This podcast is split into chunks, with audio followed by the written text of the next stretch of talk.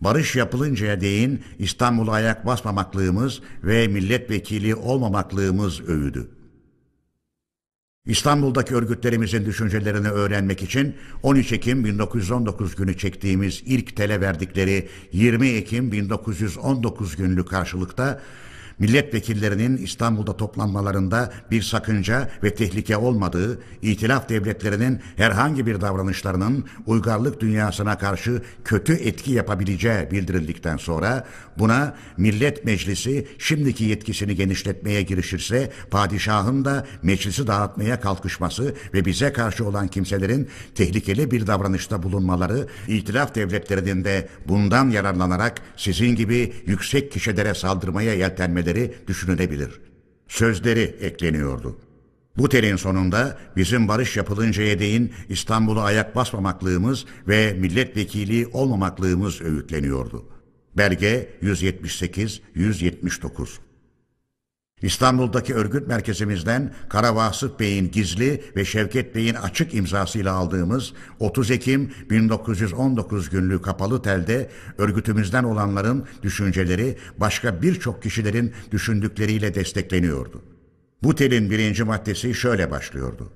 Ahmet İzzet Paşa, Sadrazam, Harbiye Nazırı, Genelkurmay Başkanı, Nafıa Nazırı ve programlara gerçekten bağlı olan ve hizmet eden ve bağlılığı ile birlikte önemli bir gücüde bulunan Gösekimi Esat Paşa ile ayrıca Rauf Ahmet Bey ile ve başkalarıyla gerek istekleri ve gerek ilişkimiz dolayısıyla görüştüm. Bütün görüşlerin birleştiği noktalar aşağıdadır. Bundan sonra bütün görüşlerin birleştiği noktaları özetliyordu. Birinci maddede Millet Meclisi'nin kesin olarak İstanbul'da toplanması zorunludur.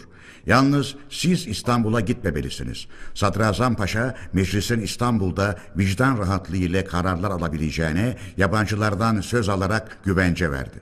Ama yalnız sizin için güvence alınamayacağından milletvekili olursanız izinli olarak ya da milletvekili olmayarak daha yüksek ve gönüllerin sevgilisi kalmanız uygun olur deniliyordu.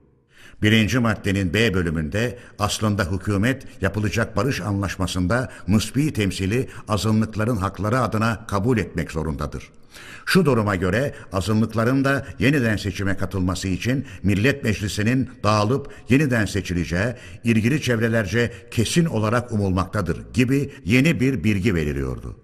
Birinci maddenin C bölümünde de hükümet gerçekten iyi niyetlidir ve bu işe istekli değildir inancası vardı.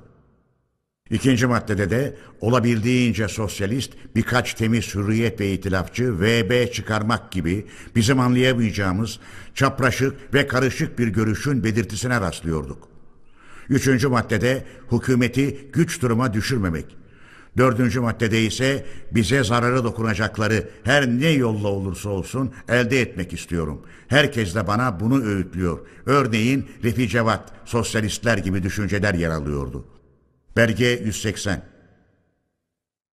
1 ve 4 Ekim 1919 günlerinde İstanbul'daki örgütümüze uzun düşünce ve yorumları kapsayan karşılıklar verdik. Bu karşılıklarda başlıca milletvekillerinin İstanbul'da toplanmaları büsbütün tehlikeli ve sakıncalıdır dedik ve açıkladık. Cemal Paşa aracılığı ile hükümete bildirdiğimiz görüşleri özetledik. Bizim için düşünülen tehlikenin bütün milletvekilleri içinde olduğunu tanıtlamaya çalıştık. İlla bizim seyirci durumda kalmamız isteniyorsa gerekçesiyle bildirilmesini istedik. Belge 181 Yalnız Karabasık Bey'e çekilen telde Ahmet İzzet Paşa Hazretleri aslında ulusal ayaklanmanın İstanbul'da kıyıma yol açacağını sanıyordu. Sözlerinin dikkate alınması her şeyden önce bu inanışların değişip değişmediğini bilmemize bağlıdır. Harbiye Nazırı Cemal Paşa Hazretlerine gelince onun da kararsız olduğunu bilmez değilsiniz.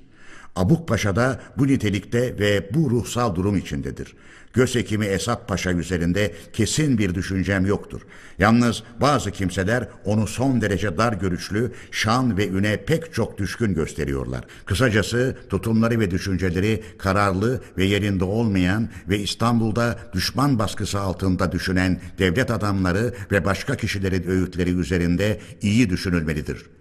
Dedikten ve söz konusu toplantı yeri üzerine akla gelebilecek tehlike ve sakıncaları bir daha saydıktan sonra asıl şaşılacak nokta bize atları belli 2-3 kişiye güven vermeye gücü yetmeyen hükümetin öteki milletvekillerini nasıl koruyabileceği işidir.'' Bizde yavaş yavaş yer etmeye başlayan düşünce ve inanç ne yazık ki yabancıların değil, belki onlardan daha çok şimdiki hükümet üyeleriyle başka kimselerden kimilerinin bizi sakıncalı görmekte olmalarıdır dedik. Bundan sonraki bölümlerin birinde nısbi temsilin kabul edilmesi zorunluluğu karşısında meclisin dağılmasını şimdiden düşünen bir çevrede millet meclisinin toplanmamasını olağan saymak gerekir görüşünü bildirdik. Bir bölümde de hükümetin bu işe istekli olmadığı sözünden bir şey anlayamadığımızı belirterek amacı bizi sıkışık zamanlarda yalnız bırakmak mıdır sorusundan sonra onların bir düşüncelerine karşılık olarak da karşıcılların iş başına gelmelerinden korkmak yarar sağlamaz. Bundan dolayı gidiş ve tutum değiştirilemez dedik. Belge 182 Efendiler, bu yazışmalardan ve bu yazışmalarda ileri sürülen düşüncelerden kolaylıkla anlaşılmaktaydı ki bizim İstanbul'daki örgütümüzün başında bulunanlar hükümet üyelerinin şunun bunun ileri sürdüğü düşünceler karşısında güçsüz kalmışlardı ve artık onların sözcüsü olmaktan başka bir iş yapmıyorlardı. İşte başka bir kapalı telki 6 Kasım 1919 günü Harbiye Nazırı Cemal Paşa'nın imzasıyla çekiliyor. Ama içinde Karabasıh Bey'in düşünceleri ve imzası bulunuyor. Bu telde yine toplantı yerinden söz açılarak özellikle önce siyasal sakınca var. İkincisi yönetim bakımından sakıncası var. Üçüncüsü de toplanılamaz. Zorunluluk duygulara üstün tutulmalıdır uygun cevabınızı tez elden hükümete bildiriniz sözleriyle baskı yapılıyor ve Japon Rıza Bey ile birlikte pek yakında iyi haberlerle sizin yanınıza geleceğim muştusu veriliyordu. Barışı ve esenliği büsbütün kazandık demektir. Milli Türk de bizim. Milli ahrarı yıkıyoruz. Milli kongre yola gelecek cümlesiyle de iyi haberlerin neler, ne gibi boş şeylerle ilgili olduğunu belirtmekte acele ediliyordu. Belge 183 Karavasıf Bey'e 7 Kasım 1919'da tez elden Sivas'a gelmesini yazdım. Karavasıf Bey yine de bu işle ilgili olarak gönderdiği 19 Kasım 1919 günlük kapalı telinde uzun düşünceleriyle desteklediği yargısını ve mantığını şu cümlede özetliyordu. Ulusal kuvvetlerle düşünce birliğinde olan meclis, padişaha karşı düşmanlığını ilan ederse Anadolu kimin arkasından gider? Ulusal kuvvetlere mi uysun? Meclisi Anadolu'da toplamak düşüncesinden vazgeçmek bir yurt borcudur. Belge 184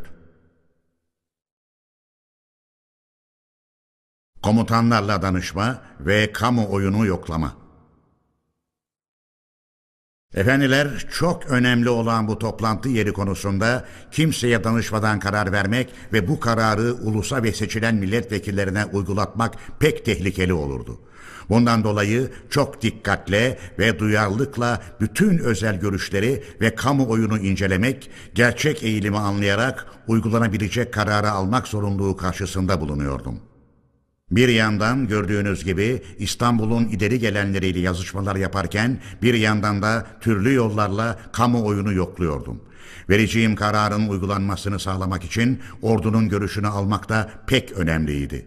Bu nedenle daha Ekim ayının 29'unda 15. 20. 12. ve 3. Kolordu komutanlarını Sivas'ta bir toplantıya çağırdım. Diyarbakır'daki kolordu komutanına, Edirne'deki kolordu komutanı Cafer Tayyar Bey'e, Bursa'da Yusuf İzzet Paşa'ya, Balıkesir'de Kazım Paşa'ya, Bursa'da Bekir Sami Bey'e de kendilerini aradaki uzaklık ve özel durumları dolayısıyla çağıramadığımı ve alınacak kararları bildireceğimi yazdım. Belge 185-186 Efendiler, çağrılan komutanlardan Salahattin Bey o sırada Sivas'taydı. Kazım Karabekir Paşa Erzurum'dan, Ali Fuat Paşa Ankara'dan ve Konya'daki kolordu komutanının cephe ile ilgili bazı önemli işleri kendisinin düzene koyması gerektiğinden ona vekil olarak Kurmay Başkanı Şemsettin Bey Konya'dan gelip Sivas'ta toplandılar. Temsilciler Kurulu üyesi olan ve üye olmayıp da toplantıya katılmalarından yararlanılan kişilerle ve komutanlarla toplanarak 16 Kasım 1919 günü görüşmelere başladık. Görüşme gündemimiz yalnız şu üç madde olacaktı. 1. Millet Meclisi'nin toplantı yeri. 2. Toplantıdan sonra Temsilciler Kurulu'nun ve ulusal örgütün alacağı biçim ve çalışma yöntemi. 3. Paris Barış Konferansı'nın bizim için olumlu ya da olumsuz bir karar vermesi üzerine nasıl davranılacağı. 4 aykırı görüş ve aldığımız karar. Efendiler, bu zamana değin cemiyet merkez kurullarından sorduklarımıza gelen karşılıklar dört görüşe ayrılıyordu. 1. Birinci görüşe göre Millet Meclisi'nin dışarıda toplanması uygun görülüyordu. 2. İkinci görüşe göre İstanbul'da. Bu görüşü ileri sürenlerin başında Erzurum, Trabzon, Balıkesir ve bütün Karesi Saruhan kurulları bulunuyordu. İstanbul'daki ileri gelen kişilerin hemen hepsinin bu düşüncede olduğunu biliyoruz. Padişahın isteği, hükümetin üstelediği de bu idi. 3. Üçüncü görüş İstanbul yakınlarında. Trakya. Paşaeli'nin düşüncesi bu idi. 4. Bir kısım merkez kurulları da Salih Paşa'nın kişisel görgüsüne dayanarak hükümet uygun bulursa dışarıda toplanmasında bir sakınca görmüyorlardı. Efendiler, İstanbul hükümetinin ve onun yardakçılarının kamuoyunu nedenli ayrılığa ve karışıklığa uğratmış oldukları ulusun gösterdiği bu görüş ayrılığından kolayca anlaşılabilir. Artık bunun üzerine direnmenin zararlı sonuç vereceği kanısına varmak da zor değildir.''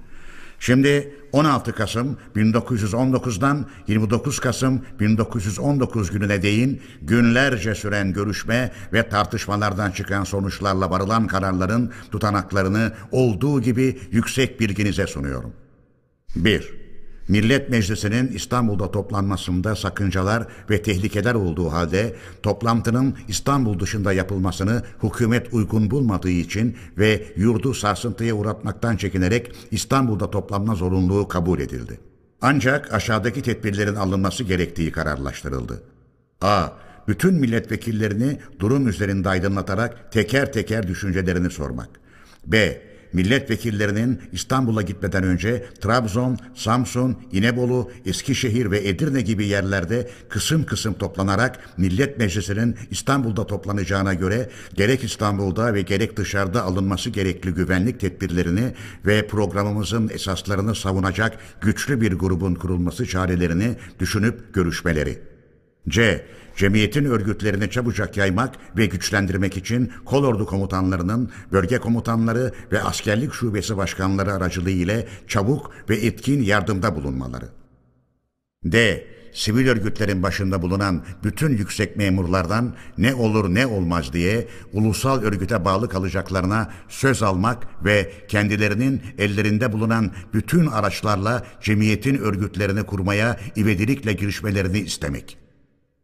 2. Millet Meclisi İstanbul'da toplandıktan sonra milletvekillerinin tam güvenlik ve serbestlik içinde yasama görevlerini yapmakta olduklarını bildirecekleri Günedeyin Temsilciler Kurulu şimdiye dek olduğu gibi dışarıda kalarak ulusal ödevini yapacaktır. Ancak bütün sancaklardan birer, illerde bağımsız sancaklardan ikişer olmak üzere milletvekilleri arasından seçilecek kişiler, tüzüğün 8. maddesi gereğince Temsilciler Kurulu üyesi olarak Eskişehir yakınında toplanacaklar. Burada durumun açıklanması ve Millet Meclisi'ndeki yöntemimizin belirtilmesi ile ilgili görüşmeler yapılacaktır. Bunun için Temsilciler Kurulu da oraya gidecektir. Bu toplantıdan sonra Temsilciler Kurulu'nun üye sayısı uygun şekilde arttırılacak, öteki milletvekilleri İstanbul'a Millet Meclisi'ne gideceklerdir. Temsilciler Kurulu'nun görevde bulunduğu sürece ulusal örgütlerin kuruluşu ve çalışma yöntemi düzükteki gibi olacaktır. Millet Meclisi tam güvenlik içinde bulunduğunu bildirdiği zaman Temsilciler Kurulu tüzükteki yetkisine dayanarak genel kongreyi toplantıya çağırıp 11. madde gereğince cemiyetin ileride alacağı durumun belirtilmesini kongrenin kararına bırakacaktır. Kongrenin nerede ve nasıl toplanacağı o zamanki duruma göre belirtilecektir. Kongrenin toplantıya çağrıldığı zaman ile toplanması arasında geçecek süre içinde Temsilciler Kurulu, İstanbul Hükümeti ve Millet Meclisi Başkanlığı ile kesin zorunluluk görmedikçe resmi ilişkide bulunmayacaktır. 3. Paris Barış Konferansı bizim için olumsuz bir karar verir ve hükümet ile Millet Meclisince bu karar kabul edilirse en uygun yolla ve çabuk olarak ulusal iradeye başvurulacak ve tüzükte açıklanmış olan esasların gerçekleştirilmesine çalışılacaktır. Mustafa Kemal, Kazım Karabekir, Hüseyin Rauf, Hüsrev, Ali Fuat, Masar Müfit, Rüstem, Ömer Mümtaz, Bekir Sami, İbrahim Süreyya, Hüseyin Selahattin, Hakkı Behiç, Şemsettin, 12. Kolordu Kurmay Başkanı, Vasıf. Milletvekillerine verilen yönerge. Efendiler, bu kararlar gereğince milletvekillerini aydınlatmak için verdiğimiz bilgi ve yönergeyi olduğu gibi bilginize sunacağım. Seçilen milletvekillerine ulaştırılan bilgiler ve yönerge şudur. Madde 1. İstanbul'un itiraf devletlerinin ve özellikle İngiliz Kara Kuvvetleri'nin elinde ve deniz kuvvetlerince kuşatılmış olduğunu, güvenlik kuvvetlerinin de yabancılar buyruğu altında ve onlarla karma olarak bulunduğunu biliyorsunuz.'' Bundan başka Rumların kendi aralarından İstanbul Milletvekili adıyla 40 kişi seçtikleri ve Atina'dan gelmiş Yunanlı başkan ve komutanların yönetimi altında gizli polis ve ayaklanma örgütü kurarak sırası gelince devletimize karşı baş kaldıracakları anlaşılmıştır. Hükümetin İstanbul'da ne yazık ki bağımsız olmadığını açıkça söylemek zorunluluğu vardır. Bu nedenlerden dolayı Millet Meclisi'nin toplantı yeri üzerinde tartışmak gibi bir sorun ortaya çıkmış bulunuyor. Millet Meclisi İstanbul'da toplanırsa milletvekillerinin yapacakları yurt ödevi göz önüne getirilince tehlikelerle karşılaşmalarından doğrusu korkulur. Gerçekten itiraf devletlerinin ateşkes anlaşması hükümlerini bozarak ve barışın yapılmasını beklemeksizin yurdumuzun önemli yerlerine girmek ve Hristiyan azınlıkların haklarımızı çiğnemelerine yol açmak gibi haksız işlerini kötüleyerek ve kabul etmeyerek ülke bütünlüğümüzü ve bağımsızlığımızın korunmasını kesinlikle isteyip savunacak olan Millet Meclisi'nin dağıtılması ve üyelerinin tutuklanması ya da sürgün edilmesi umulmaz bir iş değildir.'' Kars'ta toplanan Ulusal İslam Şurası'na İngilizlerin yaptıkları gibi. Seçimlere katılmamış olan Hristiyan azınlıkların ve onların yolunda giden İngiliz muhipler ve nigehban cemiyetlerinin bu konuda düşmanların isteklerini yerine getirmek üzere her türlü kötülüğe girişebilecekleri de düşünülebilir.'' Bundan dolayı Millet Meclisi'nin İstanbul'da toplanmasının meclisten beklenen gerçek ve tarihsel ödevin yapılmasına engel olacağını ve Millet Meclisi devletin ve ulusun bağımsızlık bayrağı olduğundan onun dağıtılması ile bağımsızlığımızın da zedeleneceğini açıklamaya gereklik yoktur.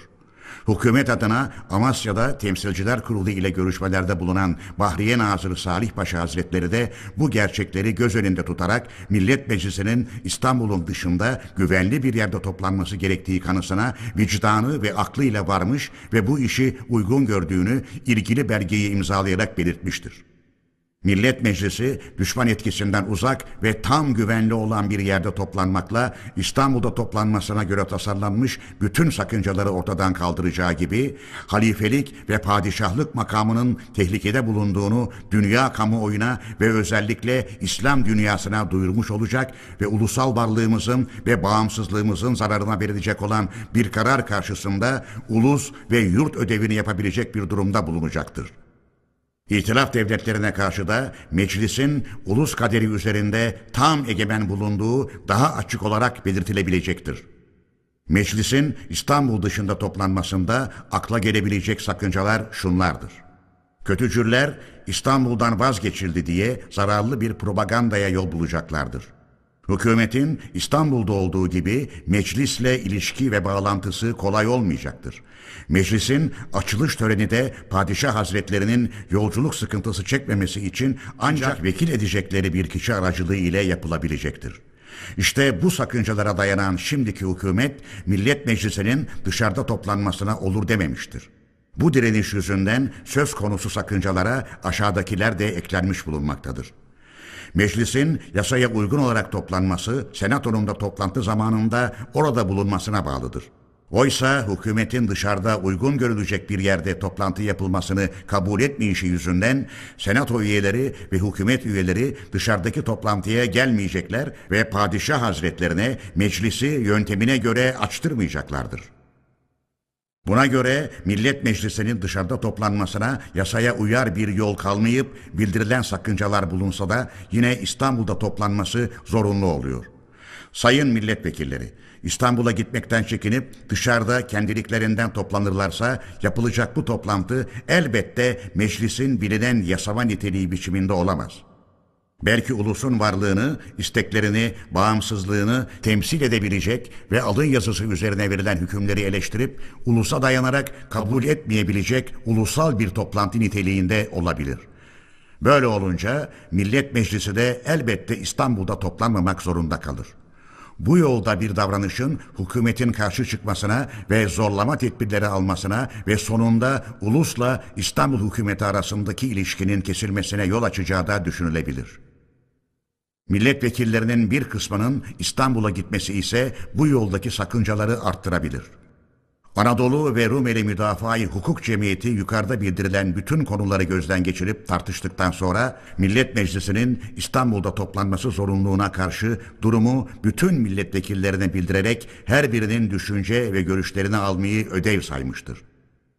Bundan başka İstanbul'da Millet Meclisi'ne katılmadan önce sayın milletvekillerinin toplanma kolaylığı göz önüne alınarak bazı yerlerde toplanıp aşağıdaki konuları görüşüp alınacak sonuçları birleştirilmek üzere temsilciler kuruluna bildirmeleri gerekli görülmüştür. Görüşülecek konular şunlardır. A. İstanbul'da toplanma zorunluluğuna karşı İstanbul'da ve dışarıda bütün yurtta alınması gereken tedbirler.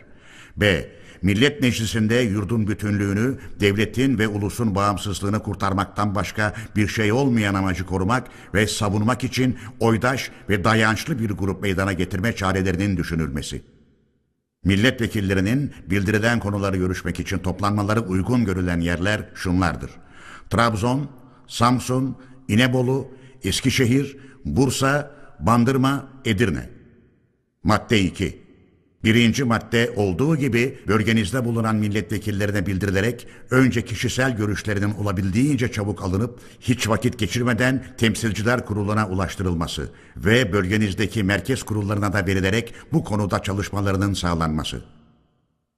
Sonra bölgenizdeki milletvekillerinin birinci maddede belirtilen yerlerde toplanmalarının kolaylaştırılıp sağlanması ve görüşme sonuçlarının temsilciler kuruluna ulaştırılması için gereken tedbirlerin alınması rica olunur. Bölgeniz içindeki yerlerin milletvekillerinden olup şimdi İstanbul'da bulunanların İstanbul'a yakın toplantı yerlerinden birine seçim bölgelerince çağırtılması gereklidir. Ekim 1919'da önemli bazı olaylar. Efendiler, 1919 yılı Ekim ayı ile ilgili olup dokunmak istediğim bazı olayları da birkaç sözcükle özetlememe izin vermenizi rica ederim. İzmir ili içinde düşman elindeki yerlerde bulunan Müslüman halk zulüm görüyor ve öldürülüyordu. Bunun için itilaf devletlerinin temsilcileri katında etkili girişimlerde bulunmasını hükümetten rica ettik.'' Yunanlılar zulümlerini ve yolsuzluklarını sürdürürlerse benzerini yapmak zorunda kalacağımızı da bildirdik. İzmir'de geçen açıklı olaylar üzerine İstanbul'da bir gösteri toplantısı yapılmak istenmişti. Buna engel olunduğunu haber alınca Cemal Paşa'nın dikkatini çektik. Anzavur, bandırma dolaylarında hayınca ve canavarca işlere başlamıştı. Belge 187 onların dokuncalarını, giderme tedbirlerini ve Karabiga bandırma yörelerine çıkan Nigehban Cemiyeti'nden subaylara karşı yapılacak işlemi Balıkesir'de Kazım Paşa'ya ve başka ilgililere yazdık. 30 kadar Nigehbancı subayında yabancı işgaline yol açmak için Hristiyanlara karşı saldırıda bulunmak üzere Trabzon ve Samsun'a çıkacaklarını haber aldık. Hemen 15. Kolordu Komutanı'nın ve Canik Mutasarrıfı'nın dikkatlerini çektik. Bildiğiniz gibi Maraş, Urfa, Antep'te başlangıçta İngiliz birlikleri vardı. Bu birlikleri Fransız askerleri değiştirdi. Fransızların girişini önlemeye çalıştık. Girildikten sonra da ilkin siyasal girişimlerde bulunduk. Daha sonra savaşa başladık. Bozkır'da yeniden önemlice bir ayaklanma oldu. Onun bastırılması için çeşitli tedbirler aldık. Maraş ve Antep'e Kılıç Ali Bey'i, Çukurova bölgesine de Topçu Binbaşısı Kemal ve Yüzbaşı Osman Tufan Beyleri göndererek sağlam örgütler kurmaya ve girişimlerde bulunmaya başladık. Efendiler, bu arada aklıma gelen bir noktayı da bildirmiş bulunayım. Sivas Kongresi'nden sonra kongrelerin tüzük ve bildirilerinden başka Temsilciler Kurulu sorumluluğu üzerine alarak Sivas Kongresi tüzüğüne ek olmak üzere Müdafaa-i Hukuk Cemiyeti kuruluş tüzüğüne ektir. Bir başlıklı yalnız ilgililere özel ve gizlidir işaretli silahlı örgütler için gizli bir yönerge düzenledi. Düşmanla çatışılan yerlerde bu yönergeye göre silahlı birlikler kuruldu. Belge 188 Ali Rıza Paşa hükümeti görüşünde direniyor. Efendiler, 2 Kasım'da Harbiye Nazırı Cemal Paşa'dan aldığım bir kapalı telde aslında az olmayan dedikodulara biri daha eklendi. Ziya Paşa'nın Ankara'ya kadar gitmemesi desteklediğiniz hükümetin gücünü kırmaktan başka bir anlam taşımaz. Bu konuda hükümet görüşünde direniyor denilmekte ve bunun karşılığının ivedilikle beklenilmekte olduğu bildirilmekteydi. Ziya Paşa'nın gönderilmemesi ile ilgili ricamızı hükümet iyi karşılamamıştı. Ziya Paşa'yı görevlendirmiş ve yollamıştı. Ziya Paşa Eskişehir'e kadar gelmiş ve oradan izin alarak geri dönmüştü. Cemal Paşa gene otelinde Bozkır olayından dolayı basına verilen bildirinin yazılış biçimini hükümet aramızdaki uzlaşmaya aykırı görmektedir diyordu. Oysa böyle bir bildirimiz yoktu. Cemal Paşa'nın bu teline şu karşılığı verdik. Şifre ivedidir. Sivas 3 11 1919. Harbiye Nazırı Cemal Paşa Hazretlerine. K 2 11 1919 gün 501 sayılı tere. 1. Hükümetle ulusal örgüt arasında içten gelen bir uzlaşma olmasını ve gerçek bir birlik kurulmasını kabul ettik. Sizin aracılığınızla pek önemli bir ricamız vardı.'' O da amacı türeye uygun olan ulusal örgütün çözülüp dağılmasını önlemek için bütün yüksek görevlilerin bu görüşe göre seçilmesi. Bize karşı olanların değiştirilmesiydi. Bunlarla ilgili birçok ricalarımıza karşılık alamadık. Trabzon ve Diyarbakır valileri ile Antalya mutasarrıfı için ne yapıldığını daha bilmiyoruz. Tersine Dahiliye Nazırlığı Konya'nın durumunu incelemeksizin oraya Muhipler Cemiyeti üyelerinden çok yetersiz ve güçsüz olan Supri Bey'i vali olarak gönderdi. Dahiliye Nazırı'nın bu işlerde bizimle hiçbir görüşme ve ilişkiyi kabul etmediği, sanki ulusal örgüte karşıymış gibi davrandığı sanısı uyanıyor. Bu düşüncemizde yanılıyorsak uyarılmamızı ve aydınlatılmamızı rica ederiz.'' Ankara valisi Ziya Paşa'nın kendi isteğiyle izin aldığını bildirmiştim. Elbette yine kendisi resmi olarak Ankara valisi sayılmaktadır. Ama bildirdiğim noktadaki kuşku ve sanı ortadan kaldırılıncaya dek adı geçen valinin izninden yararlanmayı sürdürmesi en iyi yol olarak kabul edilmelidir. Polis müdürlüğünün bugün de Nurettin Bey gibi bir kişi elinde bulunması sizin de bu pek önemli noktaya karşı ilgisiz davranmakta olduğunuz kanısını vermektedir.'' Oysa bu hoşgörünün sonucu hem hükümete hem de ulusal örgüte dokuncalı olacaktır.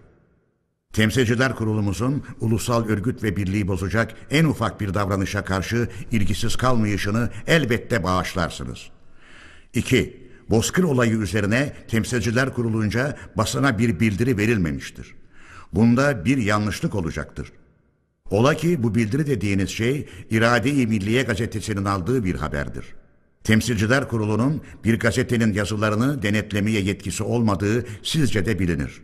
Bununla birlikte gazetenin dikkati çekilmek üzere bu haberde hükümetle aramızdaki uzlaşmaya aykırı görülen noktaların açıklanmasını çok rica ederiz. Temsilciler Kurulu adına Mustafa Kemal Temsilciler Kurulu'nun delegesi ve ulusal ayaklanmanın bir savunucusu olduğunu ileri süren Cemal Paşa'nın telimize verdiği karşılık şudur. Harbiye 4-5-11-1919 Sivas'ta 3. Kolordu Komutanlığına Mustafa Kemal Paşa Hazretlerine Resmi bildiride yazıldığı gibi şimdiki hükümet böyle bir zamanda yalnız yurda ve ülkeye hizmet etmek amacıyla pek büyük bir sorumluluk yüklenmiş ve bu görevini yapmak için tam bir tarafsızlık ve gönül aklıyla iş görmekte olduğundan aşağıdaki noktaların tezlikle açıklanması gerekti. Birincisi milletvekilleri seçimine Müslüman olmayan halk katılmadığı gibi çeşitli partilerde şimdi bile çekingen durumdadır. Sözü geçen partiler yurtta iki hükümet olduğunu ve seçimlerin tarafsız olarak yapılmadığını ileri sürmektedirler.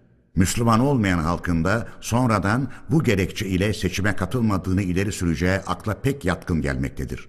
Seçimlerin iyi ve doğru yapılmadığı konusunda sızlanmalar ve söylentiler sürüp gitmekte, yabancı basına ve yabancı çevrelere değin uzanmaktadır. Millet Meclisi ulusun bütününü temsil etmez ve özellikle Kuvayi Milliye'nin etkisi altında kurulursa bunun dünyaca nasıl yorumlanacağını açıklamak gerekmez. Onun için milletvekilleri seçiminde baskıya meydan verilmemelidir. İkincisi bir kez daha açıklanması gerekmeyen nedenlerden ötürü Millet Meclisi'nin başkentten başka bir yerde toplanması içte ve dışta çeşitli sakıncalar ve dokuncalar doğuracaktır. Bunun için meclisin İstanbul'da toplanması yurdun varoluşu ile ilgili yararlar gereğindendir. Üçüncüsü taşralarda ulusal örgüt adına bazı kimselerin hükümet işlerine karışmakta oldukları sık sık verilen bilgi ve haberlerden anlaşılmaktadır. Bu gibi karışmaların tezelden önlenmesi çok gereklidir.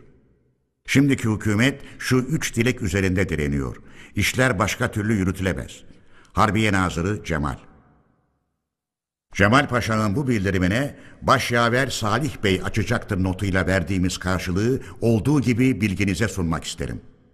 Şifre Sivas 5-11-1919 Harbiye Nazırı Cemal Paşa Hazretlerine K 4-5-11-1919 1. Müslüman olmayan halkla bu yurt ve bu ulus için Müslüman olmayan halktan daha dokuncalı bazı siyasal partilerin seçimlere katılmamalarını onların bile bile yaydıkları nedenlere bağlamak elbette doğru olamaz. Hristiyan halkın daha ulusal örgütün adı bile yokken seçimlere katılmayacağını ilan eyledikleri bilinen bir şey değil midir? Yaygara koparan siyasal partilere gelince bunlar yalan söylüyorlar. Çünkü her yerde seçimlere katılmışlardır. Ancak beşer onar üyesi bulunan bu partilerin ulus gözünde değerleri olmadığından ve ulus bu kez İstanbul'daki politikacılardan değil kendi bağrındaki öz yurttaşlar arasından milletvekillerini seçmekte olduğundan bunlar kendilerinin başarı elde edemeyeceklerini anlayarak kaygıya düşüyorlar. Buna karşı bizim elimizden ne gelebilir? Böyle bir gerçek karşısında hükümetin kararsız bulunuşu şaşılacak şeydir. Söze edilen baskı nerede yapılmıştır? Bunu kim yapmış, nasıl yapmıştır? Açıklamak iyiliğinde bulunulmalıdır ki temsilciler kurulu görevini yerine getirebilsin. Boş savlara önem vererek kaygıya düşmek doğru değildir. 2. Toplantı yeri üzerindeki görüşte hükümetin direnmesinin yerinde olup olmadığını zaman ve olaylar tanıtlayacaktır. Bu konudaki son düşüncelerimizin merkezlerden alınacak karşılıklar üzerine bilginize sorulacağını bildirmiştik. 3 ulusal örgüt adına hükümet işlerine nerede ve kim karışmışsa hemen bildirilmelidir ki gereken işlem yapılabilsin. Ancak Dahiliye Nazırı Paşa Hazretlerinin kuşku uyandırabilecek biçimdeki davranışlarına yüksek dikkatlerinizi çekmeyi gerekli görürüz efendim. Temsilciler Kurulu adına Mustafa Kemal Dahiliye Nazırı'nın yurda gönderdiği öğütçü kurullar Dahiliye Nazırı yurt içinde bir takım kurullar yollamaya kalkıştı. Bunlardan biri de Harbiye Nazırlığı eski müsteşarı Ahmet Fevzi Paşa adında bir kişinin başkanlığında Yargıtay üyelerinden İlhami ve Fetva Emini Hasan Efendilerden meydana gelmişti. Temsilciler Kurulumuz delegesi olan Cemal Paşa bize bunu bildirmemişti. 5 Kasım 1919 günlü bir kapalı telle kendisinden bu kurulun niçin gönderildiğini sorduk ve özellikle fetva emini ile Kamil Paşa hükümeti zamanında polis müdürü olan kişilerin böyle bir kurulda neden bulunduklarının anlaşılmadığını bildirdik. Belge 189 Efendiler, Fuat Paşa'nın Ankara'da kol ordusunun başında bulunmasını gerektiren nedenler ortaya çıkmaya başladı. Bu nedenlerin önemlisi yurt içinde halkın zehirlenmeye başlanmasıydı. İç ve dış düşmanlarla işbirliği yapanlar Ali Rıza Paşa hükümeti zamanında Ferit Paşa zamanındakinden daha çok başarı sağlamaya başlamıştı. Refet Paşa, Salihli ve Aydın cephelerine komutan olarak gönderiliyor. Balıkesir dolaylarında Kazım Paşa cephe kurmaya ve üstünlük sağlamaya çalışıyordu. Salihli ve Aydın cephelerindeki yönetimin askerlik yöntemlerine uydurulması gerekiyordu. Buraya az çok tanınmış bir askerin gitmesi gerekti. Bu işte yararlanabileceğimiz Konya'da bulunan Refet Paşa vardı. Konya'daki kolordunun başına Fahrettin Bey, Müfettiş Fahrettin Paşa Hazretleri geçmiş bulunuyordu. Bundan dolayı Refet Paşa'ya Aydın Ulusal Kuvvetler Komutanlığı'nı üzerine almak için cepheye gitmesini, Ali Fuat Paşa'ya da Ankara'ya dönmesini yazmıştık. Refet Paşa'nın Nazilli'ye vardığı anlaşıldıktan sonra da Genelkurmay Başkanlığı'na gelmiş olan Cevat Paşa'dan geçen savaşta pişmiş genç kurmaylardan seçilecek 4-5 subayın Nazilli'ye Refet Paşa'nın yanına gönderilmesini rica ettim. Bunu Refet Paşa'ya da bildirdim. Refet Paşa Demirci Efe'nin adamları arasına katılıyor. Efendiler, Nazilli'ye giden Refet Paşa, Demirci Mehmet Efe'den komutayı almayı gerekli ve yararlı görmemiş. Kim bilir belki de komuta kendisine verilmemiş. Demirci Efe'nin yanında kurmay gibi çalışmayı daha yararlı görmüş ve bunu yeğlemiş. Refet Paşa bunu bize bildirdi. Oranın koşullarını yakından görmüş olan bir kişinin kararını bozmak çoğu zaman güçtür. Çünkü ya gerçekten Refet Paşa'nın gördüğü ve yeğlediği gibi Efe'nin komutasını sürdürmek ve ona yardımcı olmak yararlıydı ya da Refet Paşa o cephenin komutanlığını bilinmeyen bir nedenden ötürü ele alamıyordu. Öyle de olsa böyle de olsa ille komutayı al diye buyruk vermek yararsız olurdu. Asıl şaşılacak durum bundan sonra görüldü. Bir süre sonra Refet Paşa Nazilli'den kayboldu. Birkaç gün sonra Balıkesir'de olduğunu bir takım yabancı subaylarla ilişki kurayım mı diye bizden sorması üzerine anladık. 22 Aralık 1919 günü verdiğimiz karşılıkta ulusal örgütten olanların özellikle temsilciler kurulu üyesi olarak tanındığı için kendisinin yabancılarla hiçbir türlü ilişki kurmasını istemediğimizi bildirdik. Refet Paşa bir daha kayboldu. En sonunda bir gün Bursa'dan Refet imzalı kısa bir tel aldık. İstanbul üzerinden Bursa'ya geldim. Bu telin anlamını bir türlü kavrayamıyordum. Refet Paşa'nın İstanbul'la ne ilişkisi vardı? Bir de Nazilli Balıkesir Bursa yolu İstanbul'dan mı geçer? Bu bilmeceyi bir türlü çözemedim. Sonunda iş anlaşıldı. Refet Paşa Nazilli'den ayrıldıktan ve Balıkesir'de Kazım Paşa'ya uğradıktan sonra Bandırma'ya inmiş. Oradan da bir Fransız torpidosuyla İstanbul'a gitmiş. Orada bazı arkadaşlarıyla görüşmüş. Sonra da Bursa'ya dönmüş. Efendiler, bu bilmeceyi şimdi bile çözemiyorum. Bunun için beni özürlü sayacağınızı umarım. Refet Bey'im bir İngiliz gemisine binip Samsun'a gelen Selahattin Bey'le değiştirildiğini ve kendisinin o gemi ile İstanbul'a dönmesinin istendiğini fakat gitmeyip görevinden çekildiğini, bunun üzerine İstanbul hükümetinin benimle birlikte onun da yakalanmasını ve İstanbul'a gönderilmemizi genelge ile buyurduğunu biliyorsunuz. Bu kadar çok bilinenle bir bilinmeyeni çözememek cebir bilenlerce pek bağışlanmazsa da benim bu noktada güçsüz kaldığımı açıkça söylemek isterim. Ferit Paşa hükümetinin yerine Ali Rıza Paşa hükümeti geçmiş idiyse de yeni hükümetin haber alma ve yürütme araçlarının gene öncekiler olduğunu biliyoruz. Efendiler, Refet Bey'in bu yeğlice davranışı düzenli ordunun kurulmasına değin Aydın ve Salihli cephelerinde güvenilir bir komuta düzeni sağlanamamasına yol açtı. Dahiliye Nazırı'nın kuşku uyandıran davranışları Efendiler bu garip hikayeden sonra olayları yine bıraktığımız noktadan izlemeye başlayalım. Cemal Paşa bizim 5 Kasım 1919 günlük kapalı tilimizin bir noktasını anlayamamış. Baba Ali merkezinden çektiği kısa bir kapalı telle şu yolda bizden açıklama istiyordu. Dahiliye Nazırı'nın kuşku uyandırabilecek davranışlarına dikkatinizi çekmeyi gerekli görürüz. Sözleriyle ne demek istendiği anlaşılamadı. Bu noktanın tezelden açıkça bildirilmesi.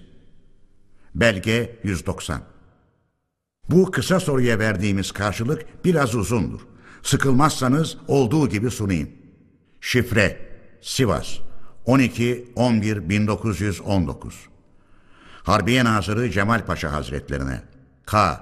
8-11-1919 gün ve 8084 sayı Dahiliye Nazırı Paşa Hazretlerinin kuşku uyandıran işlerinden ve davranışlarından akla gelenler aşağıda bilginize sunulur. 1. Ankara gibi bazı illerdeki yüksek sivil görevlileri telgraf başına çağırtarak ulusal ayaklanma sırasında Ferit Paşa hükümetine karşı davranışta bulunanların durumlarını, hükümeti neden suçladıklarını, bu işin yasalara nedenli uygun olduğunu gözdağı verici bir biçimde soruşturmak. 2. Uzun süre hasta yattıktan sonra tifodan ölen Tokat mutasarrıfının ölümünün nedeni bilinmeyen bir olay sayılarak Sivas Valiliğinden kapalı telle sorulması. 3. Adliye Nazırı ile birlikte Balıkesir cephesinden gelen ulusal kurul ile gizli buluşmaları sırasında Adliye Nazırı'nın ulusal ayaklanmayı yönetenlere karşı bir işlem yapılıp yapılmayacağını kendisinin yanında söz konusu edebilmesi. 4. Dahiliye Nazırlığını üzerine aldığı zaman ilk yurtseverce iş olarak vatan hayınlığı açıkça tanıtlanmış olan eski Dahiliye Nazırı Adil Bey'in düşünce ve iş ortağı Dahiliye Müsteşarı Keşfi Bey'i kovması gerekirken onu bugün bile görevinde tutması ve onun aracılığı ile görevlilerin yerlerini değiştirmesi. Gerçek şudur ki bu müsteşar aracılığı ile atanacak görevliler pek haklı olarak ulusal güveni kazanamazlar. Örneğin ulusal ayaklanmanın başından sonuna değin muhalif bir durum alan ve sonunda halkın işten el çektirdiği fakat hasta olması dolayısıyla o zaman tutuklanmamış ve sürülmemiş olan eski Kayseri mutasarrıfı Ali Ulvi Bey yöneticide aranan niteliklerden büsbütün yoksun ve yetersiz takımından olduğu halde Burdur'a atanmıştır. Gene yetersizliğinden ve Canik sancağı için uygun görülmediğinden kendisinin de istemesi üzerine epey zaman önce İstanbul'a gönderilen Ethem Bey de menteşeye atanmıştır. Aydın mutasarrıflığına da eski Niğde mutasarrıfı olup Sivas'a getirilen Cavit Bey atanmıştır. Bütün bunlara karşılık eski Konya valisi vatan hayını Cemal Bey'in adamı olan Antalya mutasarrıfı birçok başvurmalarımız ve halkın sızlanmaları dikkate alınmayarak şimdi gene yerinde oturuyor. 5. Özgürlük İşleri Müdürlüğü gibi en önemli görev bir Ermeni elinde bulunduruluyor. 6. Basın müdürlüğünde ve ajansın durumunda bir değişiklik görülememektedir. 7 yurdun geleceğini güven altına alacak tek kuvvetin ulusal birlik olduğu ve bu birliği de ulusal örgütlerin sürdüreceği bilinmektedir.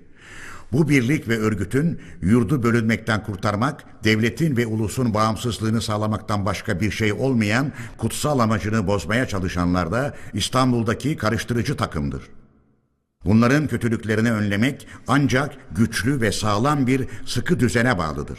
Bunun da başlıca yolu polis müdürünü namuslu, ulussever, yeterli, girişken kişiler arasından seçmek ve atamaktır.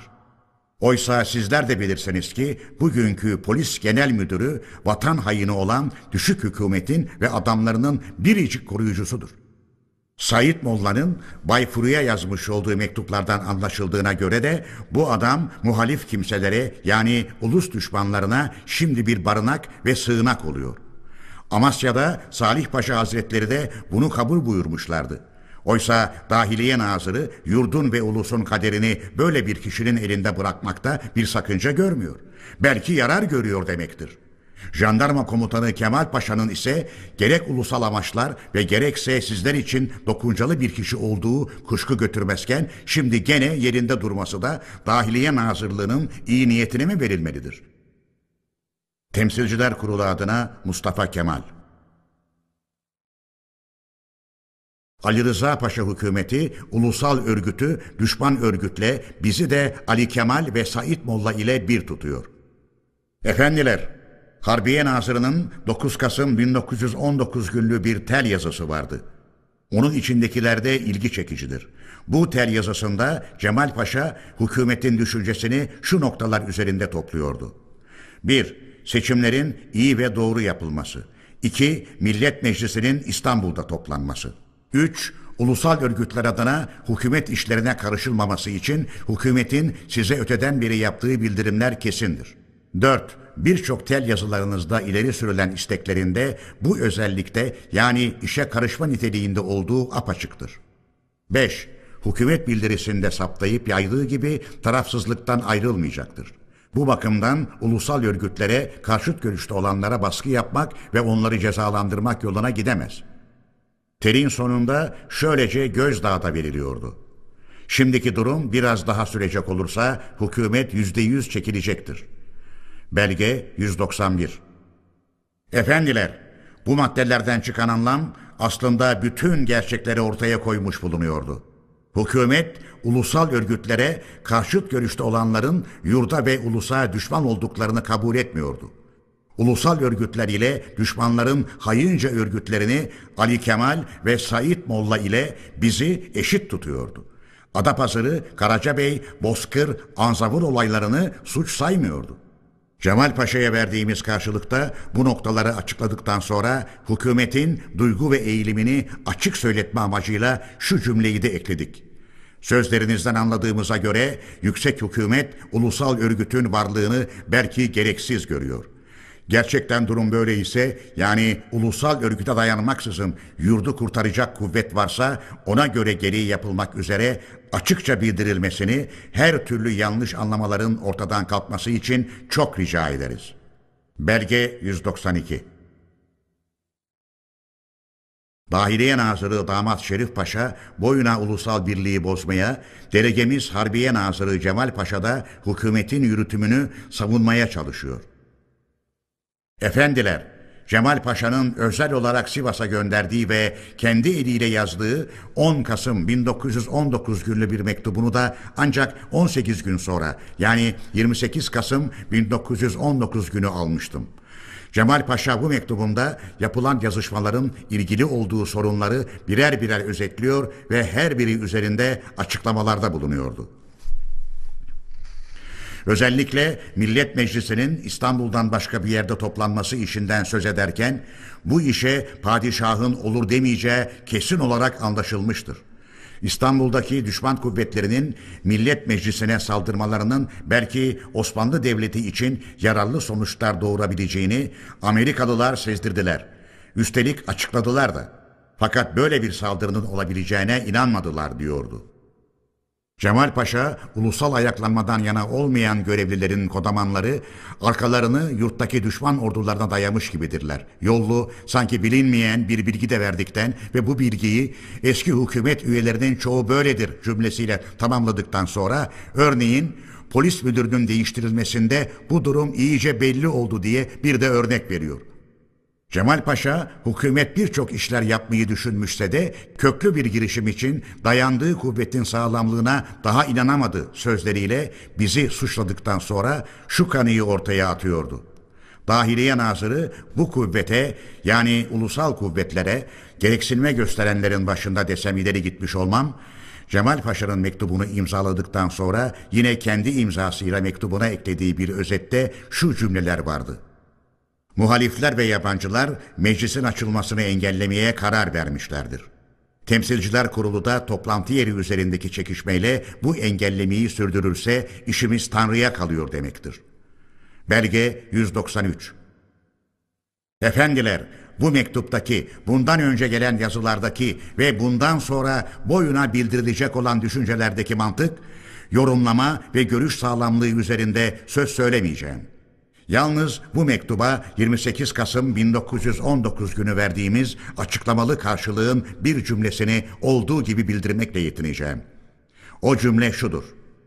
Yüksek hükümetin köklü bir girişim için dayandığı kuvvetin sağlamlığına güvenmediğini ortaya koyan sözleri gerçeğe uygun bulmuyoruz.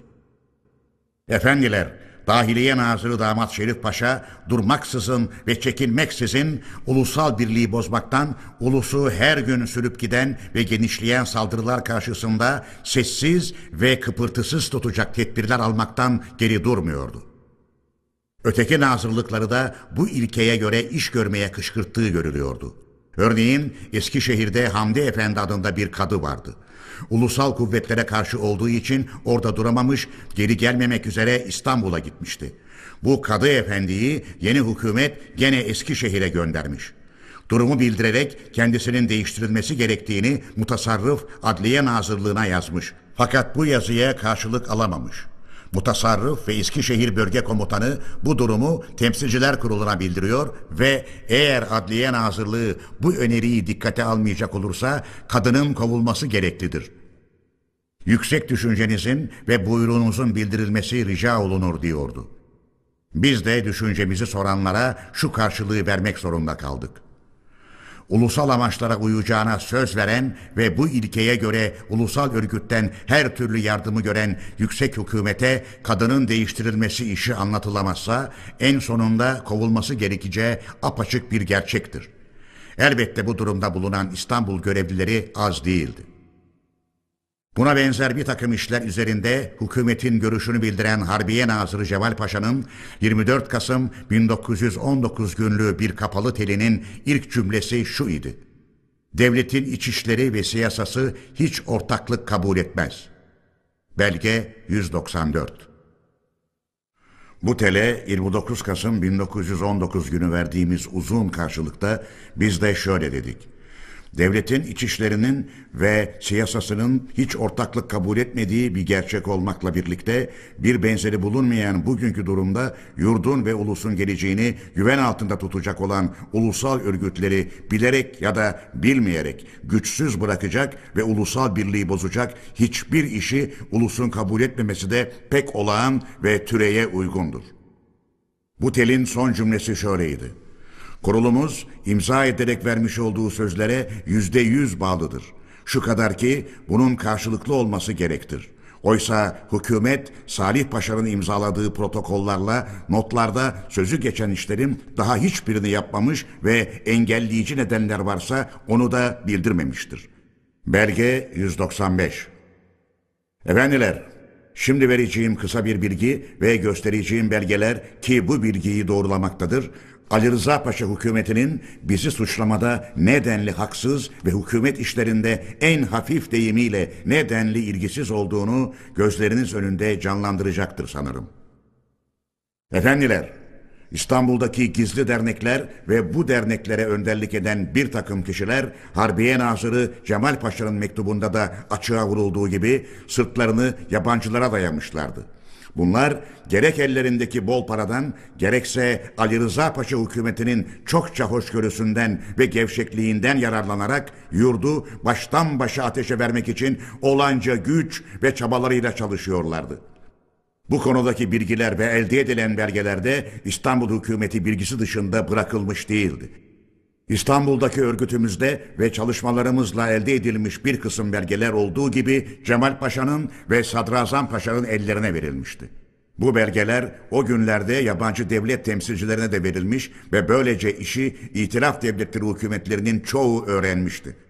O zaman özetleri de bütün komutanlara ve başka gerekenlere bildirilmiş olduğuna göre artık olayın tarihe karışmış olduğu bugün yüksek topluluğunuzca ve ulusça bilinmesinde bir sakınca görmüyorum. Said Molla nasıl çalışıyordu? Ulusal savaşlar sırasında karşılaştığımız açık ve gizli güçlükler üzerinde köklü bir bilgi edinmeye ve gelecek kuşakların ders almasına ve uyanmasına yarayacak nitelikte olan söz konusu belgeleri olduğu gibi bilginize sunmayı uygun buluyorum. Bu belgeler İngiliz Muhipler Cemiyeti'nin sözde başkanı olarak tanınan Said Molla'nın Bay Furu adındaki rahibe gönderdiği mektupların örnekleridir.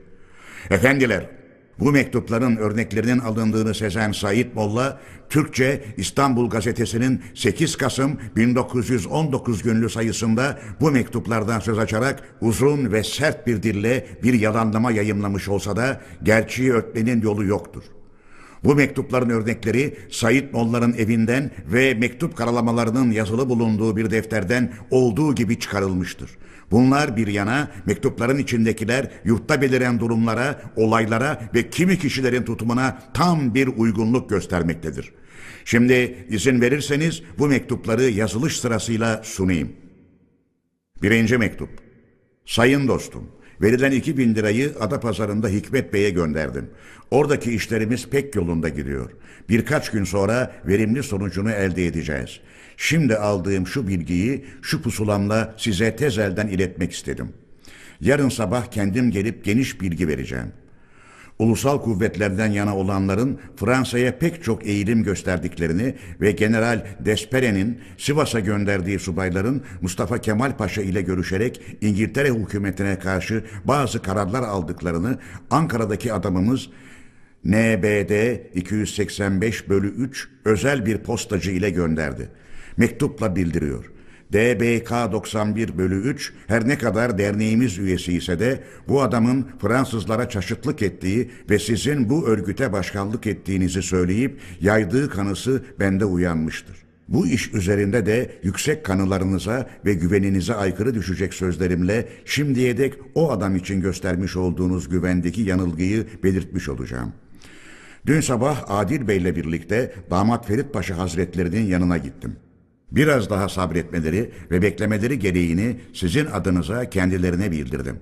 Damat Ferit Paşa Hazretleri verdiği karşılıkta size teşekkür etmekle birlikte ulusal örgütlerin Anadolu'da büsbütün kök saldığını ve karşı bir saldırışla hayın başkanları tepelettirilmedikçe kendisinin sadrazam olamayacağını ve böylece padişahın da onayından geçen sözleşme hükümlerinin konferansta savunulamayacağını söyledi.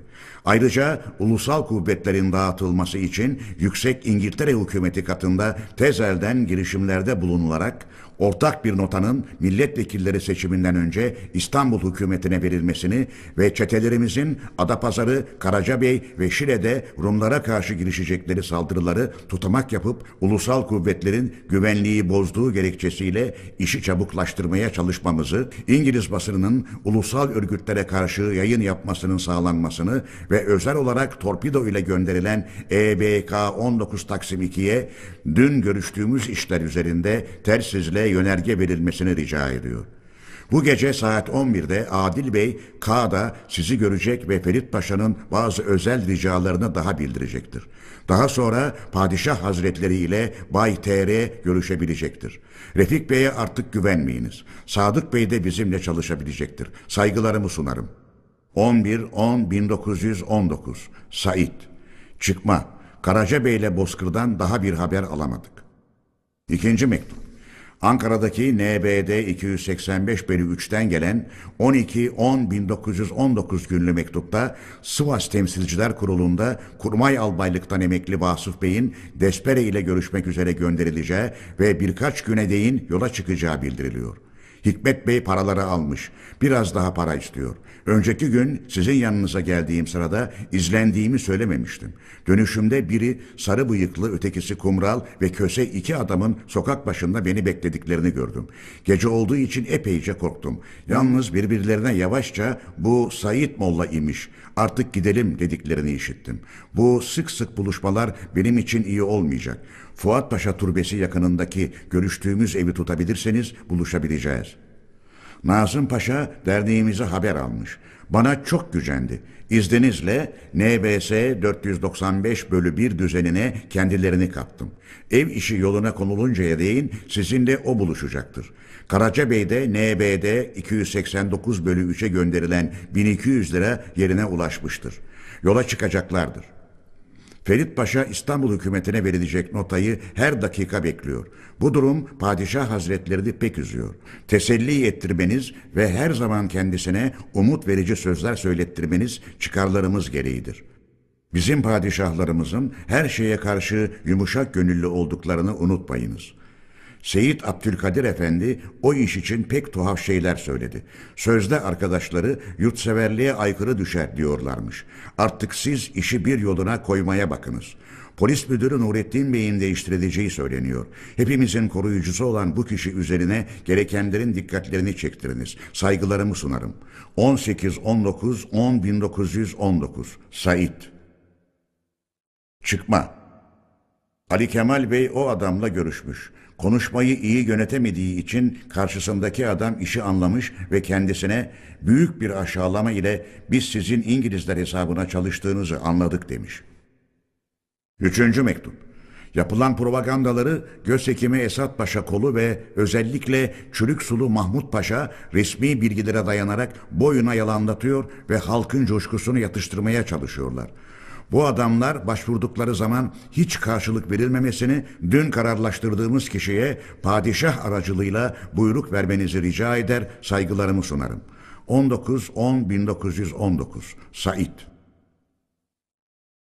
Dördüncü mektup Sayın Üstad, muhipler arasında Franmason örgütünü istemeyenler var. İttihatçıların yolu tutulacağından korkuluyor. Bu örgütün yönetiminde görev alacak nitelikli yetiştirilmiş gençlerin katılmasıyla bu programı uygulayabileceğiz. Benim dış kılığımın engel olması yüzünden eski dostunuz KBV 4 bölü 35 kararlaştırılan ilkelere göre işe başlayacaktır. Ankara ve Kayseri'den yine haber yok. Saygılarımı sunarım büyüğüm. 19-10-1919 S. Beşinci mektup. Üstad, Kasidecioğlu Ziya Molla dün adam bloka haber göndermiş. Eski dostu olmasına güvenerek benim başımda bulunduğu muhipler cemiyetinin İngilizlerce korunmasının İngiliz karakteriyle bağdaşmadığını ve bunun kamuoyu üzerinde kötü etkiler yaptığını bildirmiş. Böylece cemiyeti namuslu kişilerin temsil etmesi gerekeceğini dolayısıyla anlatmış ve benim için çok kötü sözler eklemiş. Bu kişinin bana karşı kişisel düşmanlığı olduğunu hatırlatmak isterim. Ziya Molla'nın damadının kız kardeşi eskiden benim karımdı. Kendisini boşadığım için bana böyle düşmanlık ediyorlar. Bunun Adam Blok Hazretlerine duyurulmasını ve Ziya Molla'nın şimdi İngilizlerden yana olmayıp ulusal ayaklanmayı destekleyenlerin propagandacısı olduğunu ve Mustafa Kemal Paşa ile ilişki kurmuş bulunduğunu ve beni suçlamasıyla da ne mal olduğunu ortaya koyduğunu yüksek görüşlerinize sunmak isterim. 21.10.1919 S. Çıkma bir sakıncası yoksa Adam Blok Hazretlerine size olan hizmetlerimi duyurunuz. Altıncı mektup. Sayın Üstad, Ankara'dan NBD 295 bölü 3'ten özel postacı ile gelen 20 Ekim 1919 günlü mektupta bildirildiğine göre KDS 93 bölü 1 yönergemiz gereğince orada bırakılarak kendisi Kayseri'ye gitmiştir. Yönergenin onaylanmış bir örneğini de Galip Bey'e gönderdiğini bildiriyor. Önceki ödeneği harcamış olduğu için yeniden ödenek istiyor. Gizli örgütümüzün genişlediğini ve haydut başkanlardan yakasını kurtaran muhiplerimizin şimdilik köylerde kalarak el altından işe başladıklarını muştuluyor ve son yaptığınız ustaca düzenlemelerin verimli olacağını bildiriyor.'' MKB pürüzsüz Türkçesi yüzünden önemli işler çeviriyormuş. Hele hocalığına diyecek yok diyor. Yönergenin XVV planı tam olarak hazırlanmış. Aramıza yeni yabancılar girmemiş ise amaç sezilmeksizin edimli olarak gerçekleşecektir. Yeni ödeneğin gönderilmesini beklemek üzere özel postacı 4 re burada alıkonulmuştur. 23-24-10-1919 S. Çıkma. Ahmet Rıza Bey'in İtalyan güdümü üzerindeki demecini mektubun sonuna ekledim. Kendisinin Fransa'ya geçmesi bizce tehlike olur. Bu işi sağlama bağlayınız. Yedinci mektup. Üstadım, Ali Kemal Bey dün o adamla görüşmüş. Basın işinde biraz ağır davranmak gerektiğini söylemiş. Bir kez bir yana yöneltilmiş olan düşünürleri ve yazarları öncekine karşıt bir amaca yöneltmek bizde pek kolay olmaz. Bütün devlet memurları ulusal ayaklanmayı şimdilik iyi görüyor demiş. Ali Kemal Bey yönergenize eksiksiz uyacak. Zeynel Abidin partisiyle de işbirliği yapmaya çalışıyor. Kısacası işler bulandırılacak. Bugünlerde Fransa ve Amerika çevrelerinde benim adım çok geçiyormuş. Bunun nedenini şimdiye dek anlayamadım. Ulusal ayaklanmadan yana olanların bu hükümetin siyasal memurları üzerinde yaptıkları etki sonucu olarak tehlikeye giren hayatımın korunmasını size bırakıyorum. Ben bu güvenle kendi kendimi yüreklendiriyorum. Hikmet ile kendim görüştüm. Bu kez onu biraz kaypak buldum ama sağlam güvence verdi. Ben erkeğim, sözümden dönmem dedi. Sivas olayını nasıl buldunuz? Biraz düzensiz ama yavaş yavaş düzelecek. Kadıköylü de işi üzerine alıyor. Fakat o yere batası ittihatçı basım sırasına göre bizim işlere engel oluyor. Bunların yazılarına dikkat gerek. Paşamız gene de sinirli. Ne vakit olacak diyor. Ev işinin bugüne dek yoluna konulmamış olması buluşup görüşmemizi güçlendiriyor. NBS 495 bölü 1 Konya'ya önem verilmesini öğütlüyor. Size sözlü olarak açıkladığı iş üzerinde dikkatini çekmemi rica ediyor.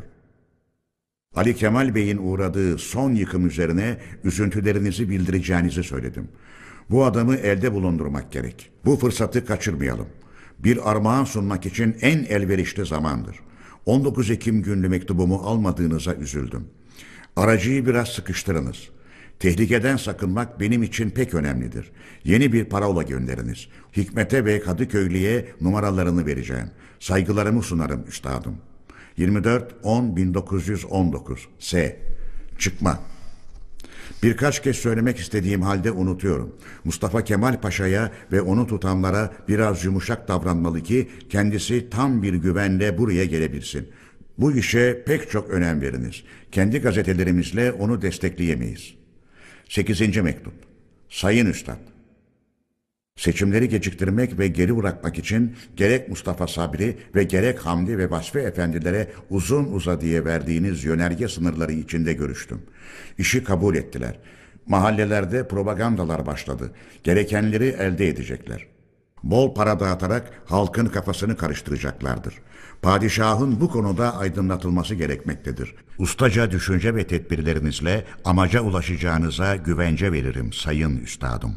26 10 1919 S 9. mektup 9R özel postacı geldi. Keskin örgütü bitmiş. Arkadaşlara propaganda için yönerge verdim. Başarılarımızın ilk verimlerini yakında alacağımıza güveniyorum sayın üstadım. 27 28 10 1919 S 10. mektup Sayın Üstad, sarayda yeni hükümet kurulmasının tasarlandığı ve hazırlık yapıldığı söylentisi yayılmıştır. Bu işin çabuklaştırılması çok gereklidir. Anadolu örgütümüzün bazı planları ulusal kuvvetlerce anlaşılmış, özellikle Ankara ve Kayseri'de bize karşı çalışmalar başlamıştır. Kürt cemiyeti söz verdiği halde bir iş yapamadı. Çetelerimizden bir kısmı yok ediliyor. Ne pahasına olursa olsun tasarlanan hükümetin iş başına getirilmesi pek çok gereklidir. Ali Rıza Paşa'nın planlarımıza karşı önleyici tedbirler alacağını da sanıyorum. Bozkır'a gidecek adamlarımız tanınmış kişiler olduklarından çokça korkuyorlar. Konya'da KB 81 bölü 1'e sizin adamınız aracılığı ile olayın kızıştırılması için bildirim yapılarak propaganda kurullarının bu konu üzerinde çalışmaya çağrılması gereğini ve zorunluluğunu bildirir saygılarımı sunarım. 29 30 10 1919 S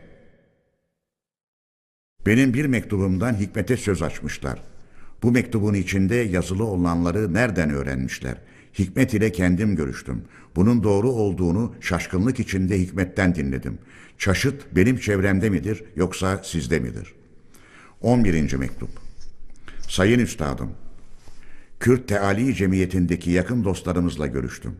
Yeni geldikleri için birkaç gün sonra verilen yönergeye uygun olarak gerekli düzenlemeleri yapacaklarını, yalnız Kürdistan'a gönderilecek çeşitli arkadaşlar için büyük bir ödenek verilmesi gerektiğini söylediler. DBR 3 bölü 141'den gelen mektubu da gösterdiler. Urfa, Antep, Maraş'ta Fransızlara karşı gereğinden daha çok kışkırtma yaptıkları ve halkı kolordu komutanının güttüğü yumuşak siyasaya aykırı bir davranışa sürükledikleri yazılıdır. Hükümet başkanlığına Zeki Paşa'nın getirilmemesi için ileri sürülen düşünceler doğru değildir. Bu adam Kürtlere sözünü geçirebilecek durumdadır. Eski Ermeni Kırımı unutulmuştur. Sizin aklınıza gelenler bugün için herhalde mevsimsizdir. Bunu gerektiğinde başka bir anlama çevirmek kolaydır. Yüksek yardımlarınızı her dakika bekliyoruz. Karşıdaki olayı ötekilerine bulaştırmaya çalışıyoruz. Saygılarımı sunarım. 4 11 1919 S 12. mektup Sayın Üstadım Ahmet Rıza'nın Tan gazetesi haber yazarına verdiği demeç elbette dikkatinizi çekmiştir. Emir Faysal'a Fransızlarla anlaşma yapmasını öğütlenmesindeki anlamın kapsadığı siyasal nükte ustaca görüşlerinizden uzak kalmamalıdır. Ulusal örgüt başkanları son günlerde dikkati çekecek bir biçimde Fransa'ya eğilim belirtisi gösterdikleri gibi bir yandan Irak'ta kargaşalık çıkartırken öte yandan Suriye'deki egemenliğinizi de baltalamak istiyorlar. Bu örgütün sürüp gitmesinde gösterilecek ilgisizlik ve savsaklama, İslam dünyasının İngiltere'ye karşı olağanüstü ayaklanmasıyla sonuçlanacaktır. En dikkate değer olan bu noktayı görmek ve yüksek siyasi adamlarınıza göstermek pek çok önemli ve gereklidir. Şu düşüncemle bilimsel değerinize dil uzattığım sanısına varmayınız. Çünkü Türkiye üzerinde sizden başka bir kuvvetin erkini ve egemenliğini sürdürmesi siyasal amaçlarımıza aykırıdır. Fransa, İtalya ve özellikle Amerika'nın gerek devlet adamlarıyla gerek basınıyla bu kuvvete karşı gösterdikleri türlü eğilimler siyasal ve askeri üstünlüğünüzü çekemediklerinin açık belirtileridir. Ahmet Rıza gibi Clemenceau ve Pichon'un ve çeşitli yüksek siyasi adamlarının en yakın ve eski dostu olan kişilerin Fransa'da önemli bir rol oynayacaklarından ve kamuoyunu tam anlamıyla kendilerinden yana çekeceklerinden kuşku etmeyin. Bu adamın İsviçre'ye geçmesi ile ilgili haberlere bakılırsa oradan bir yolunu bulup Fransa'ya geçmek amacında olduğu kanısına varılabilir.'' Balıkesir dolaylarındaki kuvvetlerimiz bozularak kaçmış ve AR'de gizlenmişlerdir. Yeni kuvvetler hazırlanıyor. 5 bin liradan aşağı olmamak üzere ödenek istiyor. Karaman'dan DBS 40 bölü 5'ten gelen mektupta şimdilik beklemek zorunda oldukları ve Kayseri'de KBR 87 bölü 4'ten gelen mektupta da pek yakında çarpışmaya başlayacakları bildiriliyor. Ziya Efendi de HK ve CHD örgütler tamamlandığından oraya yalnız ödenekle gitmek zorunda olduğunu sözlü olarak bildiriyor. Dilerseniz durum üzerinde sözlü olarak size geniş bilgi verecektir. Çok sıkı izlenildiğimizi, işlerimizden Sivas'ın günü gününe haber aldığını söyleyebilirim. Mehmet Ali'ye güvenmeyiniz. Ağzı sıkı değildir. Herhalde boşboğazlık ediyor. Dış örgütte ve işlerde benden başkasını kullanmazsanız daha iyi olur. Ali Kemal Bey'in listeye geçirilmesi zorunludur. Bunca sırlarımızı bilen bu adamı gücendirirsek planlarımız olduğu gibi yabancı ellere geçer. Bu adamı sık sık kollayınız. Saygılarımı sunarım üstadım. 5 11 1919 S Kemal yakalanmış. Bağlılığı bakımından KBR 15 bölü 1'in örgütle ne ölçüde ilişkisi olduğu meydana çıkmış demektir. Bu adamı korumak çok gereklidir. Bay Furya'ya yazdığım mektup. Efendiler, bu geniş düzene engel olmak ve yaratılan tehlikeli durumları ortadan kaldırmak için elimizden gelen her çareye ve tedbire başvurduk. Şimdiye değin anlattığım ve bundan sonra sırası geldikçe hatırlatmaya çalışacağım o hepinizin bildiği baş kaldırmaları, karışıklıkları, resmi düşman kuvvetlerinin saldırılarını bastırmak ve ortadan kaldırmak için çok uğraştık.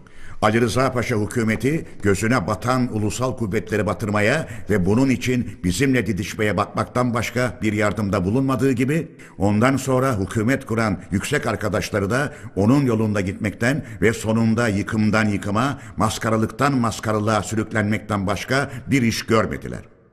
Efendiler, bütün bu gizli düzen kaynaklarının Rahip Furu'nun kafasında toplandığını ve oradan din kardeşlerimiz olacak hayınların kafalarına sokularak uygulama alanına çıkarıldığını kestirdiğimden bir zaman için olsun Rahip Furu'nun durmasını ve bu işten uzaklaşmasını sağlamaya yarar düşüncesiyle kendisine bir mektup yazdım. Mektubun iyi anlaşılabilmesi için şu bilgiyi de ekleyeyim ki ben Bay Furu ile İstanbul'da bir iki kez görüşmüş ve tartışmıştım. Furu'ya Fransızca olarak gönderdiğim mektubun Türkçesi şudur. Bay Furu'ya, sizinle Bay Martin aracılığıyla yaptığımız görüşmelerin anısını seve seve gönlümde saklıyorum.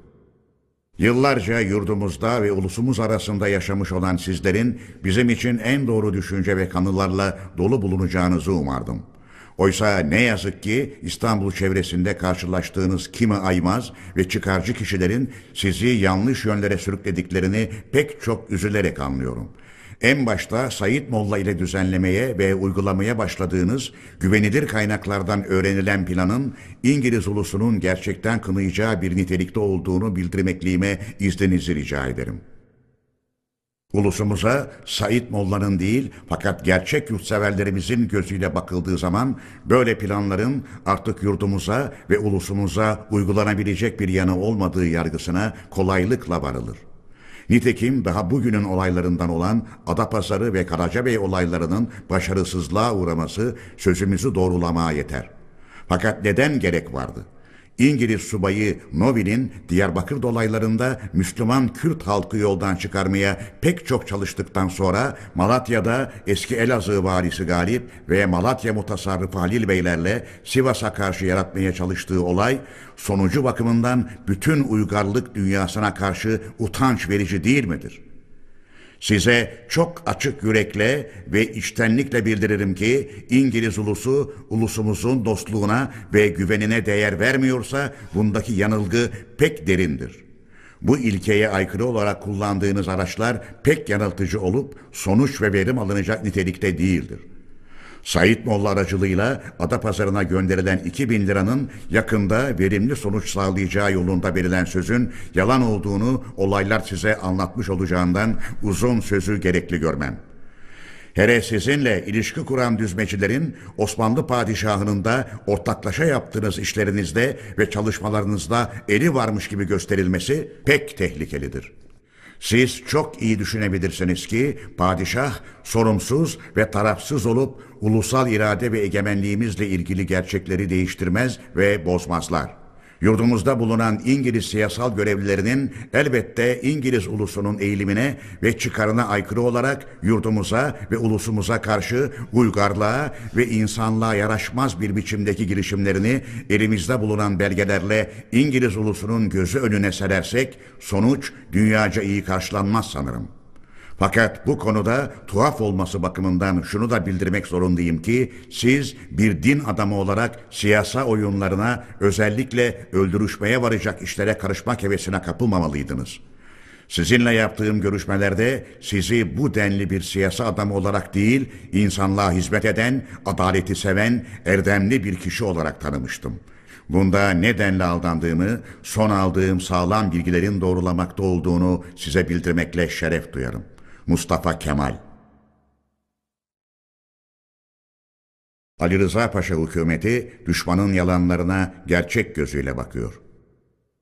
Efendiler, İstanbul'da hükümetin gözü önünde ve bilgisi altında yapılmış ve yapılmakta olan alçakça girişimlerin ve bu girişimlerin bütün yurtta uğursuz belirtileri olduğunu açıkça ortaya koyan olayların gerçek kaynaklarını ve etmenlerini İstanbul hükümetinin temsilciler kurulundan daha iyi bildiği daha da kuşku götürür mü? Efendiler, işlerin iç yüzünü bilen bir hükümetin üyelerinden düşmanların salt yanıltmak ve yoldan çıkarmak amacıyla ortaya attıkları yalanlara ve söylentilere gerçek gözüyle bakıp yine onların öğütlerini çare ve tedbir diye uygulamaya kalkışmak gibi bir davranış beklenir mi? Bu sorulara karşılık vererek yüksek topluluğunuzu yormaktan çekindiğim için sözü Ali Rıza Paşa hükümetinin düşüncesini yansıtan Harbiye Nazırı Cemal Paşa'ya bırakmayı yeğ tutarım.'' Efendiler, açıkça söylemeliyim ki ben Cemal Paşa'nın bu konu ile ilgili olarak gönderdiği kapalı telin anlamını ve kapsamını kavramakta güçlüğe ve şaşkınlığa uğradım.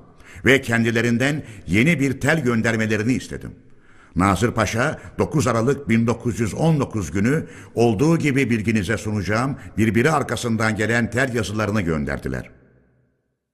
9 Aralık 1919 Sivas'ta 3. Kolordu Komutanlığı'na, Mustafa Kemal Paşa Hazretlerine.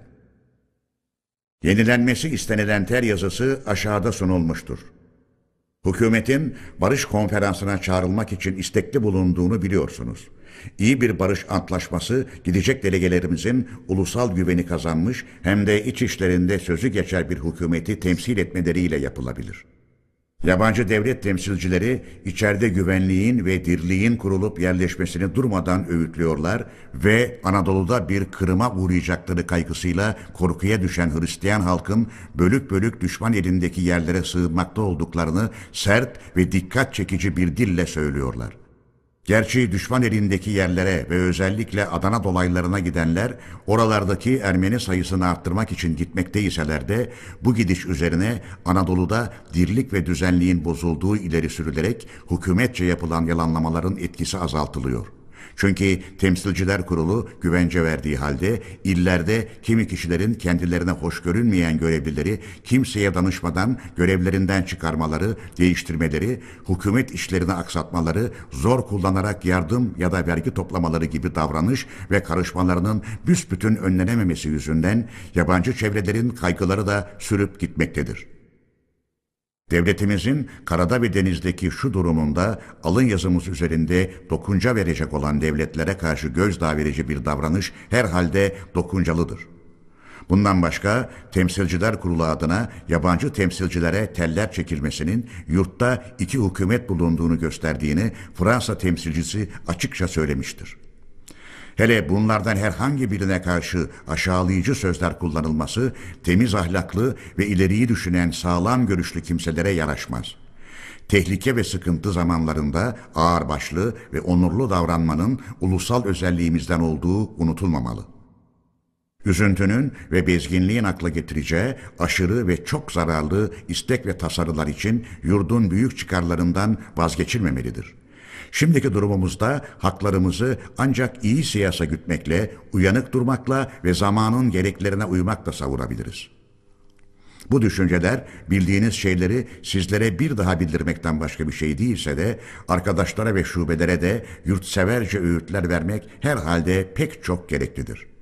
Yakında toplanacak olan Millet Meclisimizin sevgili yurdumuzun kurtuluşu ve mutluluğu için gereken bir gece tedbirleri bularak bu yüksek amacı gerçekleştirmeye özenmesi ve bütün varlığı ile çalışması beklenmektedir.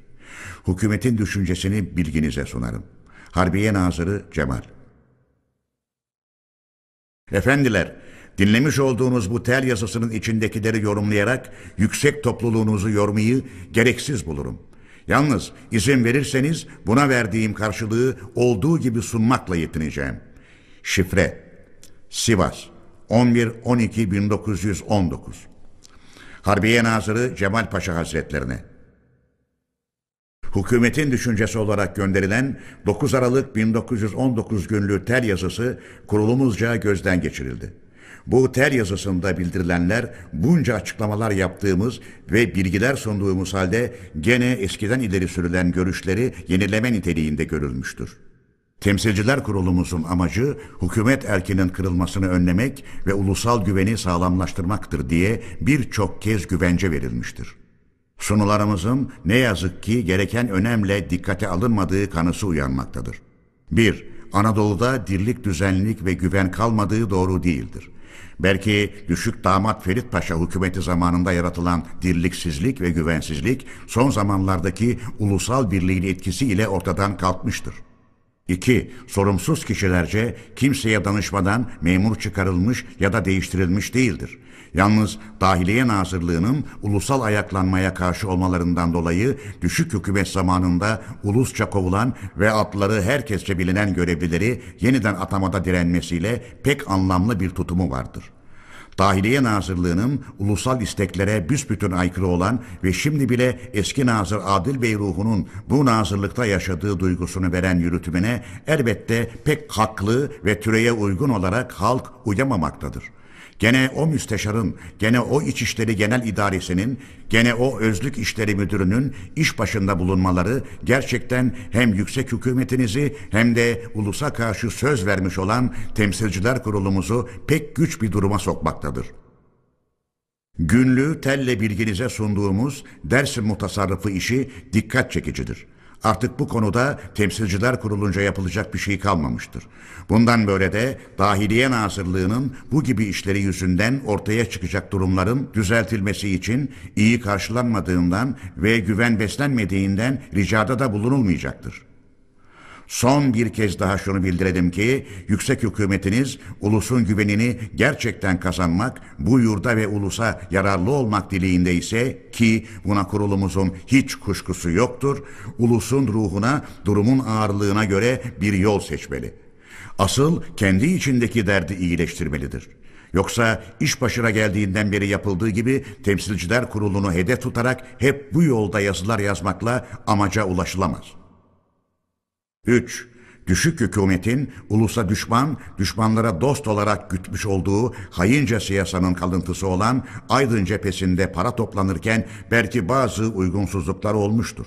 Ancak Sivas Kongresi ile oluşan ulusal birliğin ve Harbiye Nazırlığı'nın yaptığı yurtseverce çaba ve yardımların etkisiyle bu gibi olaylarında öne alınmış demektir. 4. Ulus, ateşkes anlaşmasıyla bağlı bulunduğu düşman devletlerden hiçbirine gözdağı verici bir durum almış değildir. Yalnız kutsal ve türeye uygun haklarına el uzatılmasını kesin zorunluluk olursa silahla da önlemeye kararlıdır. 5. Temsilciler Kurulu'nun yabancı devlet temsilcilerine tel çekmesi konusuna gelince bu ancak protestolarda bulunmak içindir ki yüksek hükümetinizin onayından da geçmiştir. Aslına bakılırsa ulusal birliğin temsilcisi olarak Temsilciler Kurulu'nun ulus adına bu denli yazışmalarda bulunması türeye uygun bir haktır. Eğer hükümet de böyle duyarlılık gösterir ve ulusla bir düşüncede olduğunu bu gibi elverişli durumlarda açıklamaya ve belirtmeye koşarsa siyasaya zarar vermek şöyle dursun bundan pek büyük yararlar elde edileceği apaçıktır. Oysa yüksek hükümetinizin Adana'ya düşmanın girişi gibi açık bir haksızlığı bile protesto etmediğini Fransızlar söylüyorlar. Demek ki Fransız temsilcisinin açık konuşmasının nedenini bu noktada aramalıdır. Kısacası şunu bildirelim ki Temsilciler Kurulu ne üzüntüye ne bezginliğe kapılmıştır. Ne de kutsal görevinde ulusun ve yurdun esenliği için gerekenleri anlayamayacak bir bilinçsizliğe düşmüştür. Ulusun esenliği adına aldığı tedbirlerde ve yaptığı bütün işlerde ağırbaşlılığı ve onuru alçalmaya ve uyuşukluğa yeğlemeyi temel ilki olarak kabul etmiştir. Siyasanın da, akıllılığın da, durumun gereklerine uymanın da ancak bu yolda olacağına inanmıştır.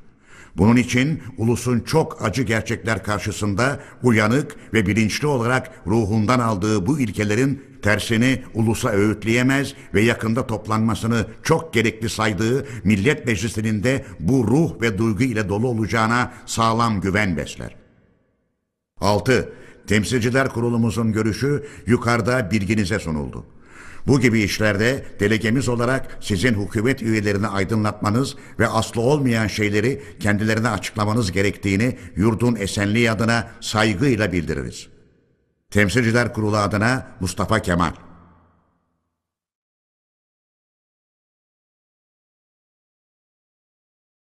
Çürük Sulu Mahmut Paşa'nın demeci Efendiler, İstanbul'da yurdun kurtarılmasıyla ilgili en önemli görevlerde çalışan saygıdeğer ve akıllı tanınmış kişilerin o zamanlar İstanbul'un zehirli havasını almaları yüzünden anlayış ve görüşlerinde nedenli olumsuz sapmalar olduğuna bir örnek vermek için daha Sivas'ta iken karşılaştığım küçük bir iki olayı izin verirseniz bilginize sunmak isterim. Belki sayın üyeler arasında hatırlayanlar vardır. Senato üyelerinden Çürüksulu Mahmut Paşa, Bosfor gazetesi yazarlarından birisine siyasal durumumuz üzerine demeç vermişti. Mahmut Paşa'nın o sıralarda Barış Hazırlıkları Komisyonu üyesi olduğunu da hatırlarsanız, Paşa'nın 31 Ekim 1919 günlü Tasvir-i Efkar gazetesinde yayınlanan demecini 17 gün sonra Sivas'ta okudum. Ermenilerin pek çok olan isteklerine hak vermeksizin sınırlarda bazı düzeltmeler yapmayı kabul ederiz sözleri dikkatimi çekti. Doğu Anadolu'da Ermenistan yararına toprak bırakılacağına söz verme niteliğinde olan bu cümleyi Barış Komisyonu üyelerinden bir devlet adamının söylemiş bulunması gerçekten düşünülmeye ve şaşılmaya değerdi. Bundan ötürü 17 Kasım 1919 günü Çürüksulu Mahmut Paşa Hazretlerine göndermeyi yararlı saydığım bir tel yazısında Demecindeki işaret ettiğim cümleden dolayı Doğu Anadolu halkının pek haklı olarak son derece üzgün ve kırgın olduğunu belirttikten sonra Erzurum ve Sivas kongrelerinin kararları uyarınca ulusun Ermenistan'a bir karış toprak bırakmayacağını, hükümet bu denli acı bir zorunluluk karşısında boyun eğerse ulusun kendi haklarını kendisi savunmaya karar verdiğini ve bunun bütün dünyaya ilan edilmiş olduğunu yazdım.'' Ve bu ulusal karar ve direncin herkesten önce Barış Hazırlıkları Komisyonu yüksek üyesince bilinmesi ve benimsenmesi gerektiğini bildirdim. Belge 196 Efendiler, Sivas'ta kaldığımız sırada birçok sorunlar ve olaylarla karşılaşılmış ve zorunlu olarak idari, askeri, siyasal ve ulusal girişim ve yürütümlerde bulunulmuştur. Bunların hepsini ayrıntılarıyla anlatmak uzun sürer. Yalnız izlediğimiz olaylar zincirinin birbirine bağlanmasına yarayacak bazı noktalara dokunarak ve işaret ederek geçeceğim. Ulusal örgütün düzene sokulması. Efendiler, ulusal örgütün düzene sokulması önemliydi. Bunun için özel tedbirler alındı. Seçimler dolayısıyla ortaya çıkan bazı görüş ayrılıklarının giderilmesi çarelerine başvuruldu. Maraş'ta bazı Çerkez yurttaşlar sözde Maraş'ın bütün Çerkezleri adına Cebeli Bereket guvernörünün Maraş'a gönderilmesini Antep'teki Fransız askeri komutanından telle istemişlerdi. Buna izin veren Maraş mutasarrıfına kınama cezası verildi. Maraş'ın ileri gelenlerine söz konusu guvernör gelecek olursa karşılamamaları bildirildi. İstanbul hükümetinin de dikkati çekildi. Bolu dolaylarında güvensizlik gittikçe artıyordu. İzmit'te Asım Bey'den sonra birinci tümen komutanı olan Rüştü Bey'e de bu konuda yönerge verildi. Efendiler, 20 Kasım 1919 günü İstanbul'daki örgütümüzden Kara Vasıf ve Albay Şevket imzalarıyla gelen bir kapalı telde Gebze Kaymakamı'nın karşıcıl olduğu ve çeşitli ağır suçlar işleyen Yahya Kaptan'ın kötülüklerini örtmeye ve daha başka işlere başlayarak ulusal kuvvetlere leke sürmeye çalıştığı bildiriliyor. Bu kaymakamın yerinin değiştirilmesi söz konusu ediliyordu. Belge 197 Biz de bu görüşe yürekten katılarak gereğinin Cemal Paşa aracılığıyla sağlanmasını bildirdik. Belge 198 Efendiler, bu Yahya Kaptan işi devrimin önemli bir evresi içine girdiği ve çok dikkate değer olduğu için biraz ayrıntılara inmeyi uygun görüyorum. Şimdiye değin verilen bilgilerden kuşkusuz anlaşılmış olacaktır ki birbirleriyle anlaşmış ve işbirliği yapmış iç ve dış düşmanların uygulamaya çalıştıkları planın önemli bir noktası da yurt içinde güvensizlik olduğunu ve Hristiyan halka saldırıldığını maddesel ve edimli olaylar ve işlerle dünyanın gözü önünde tanıtlamak ve bu iş ve davranışların ulusal kuvvetlerce yapıldığına herkesi inandırmaktı.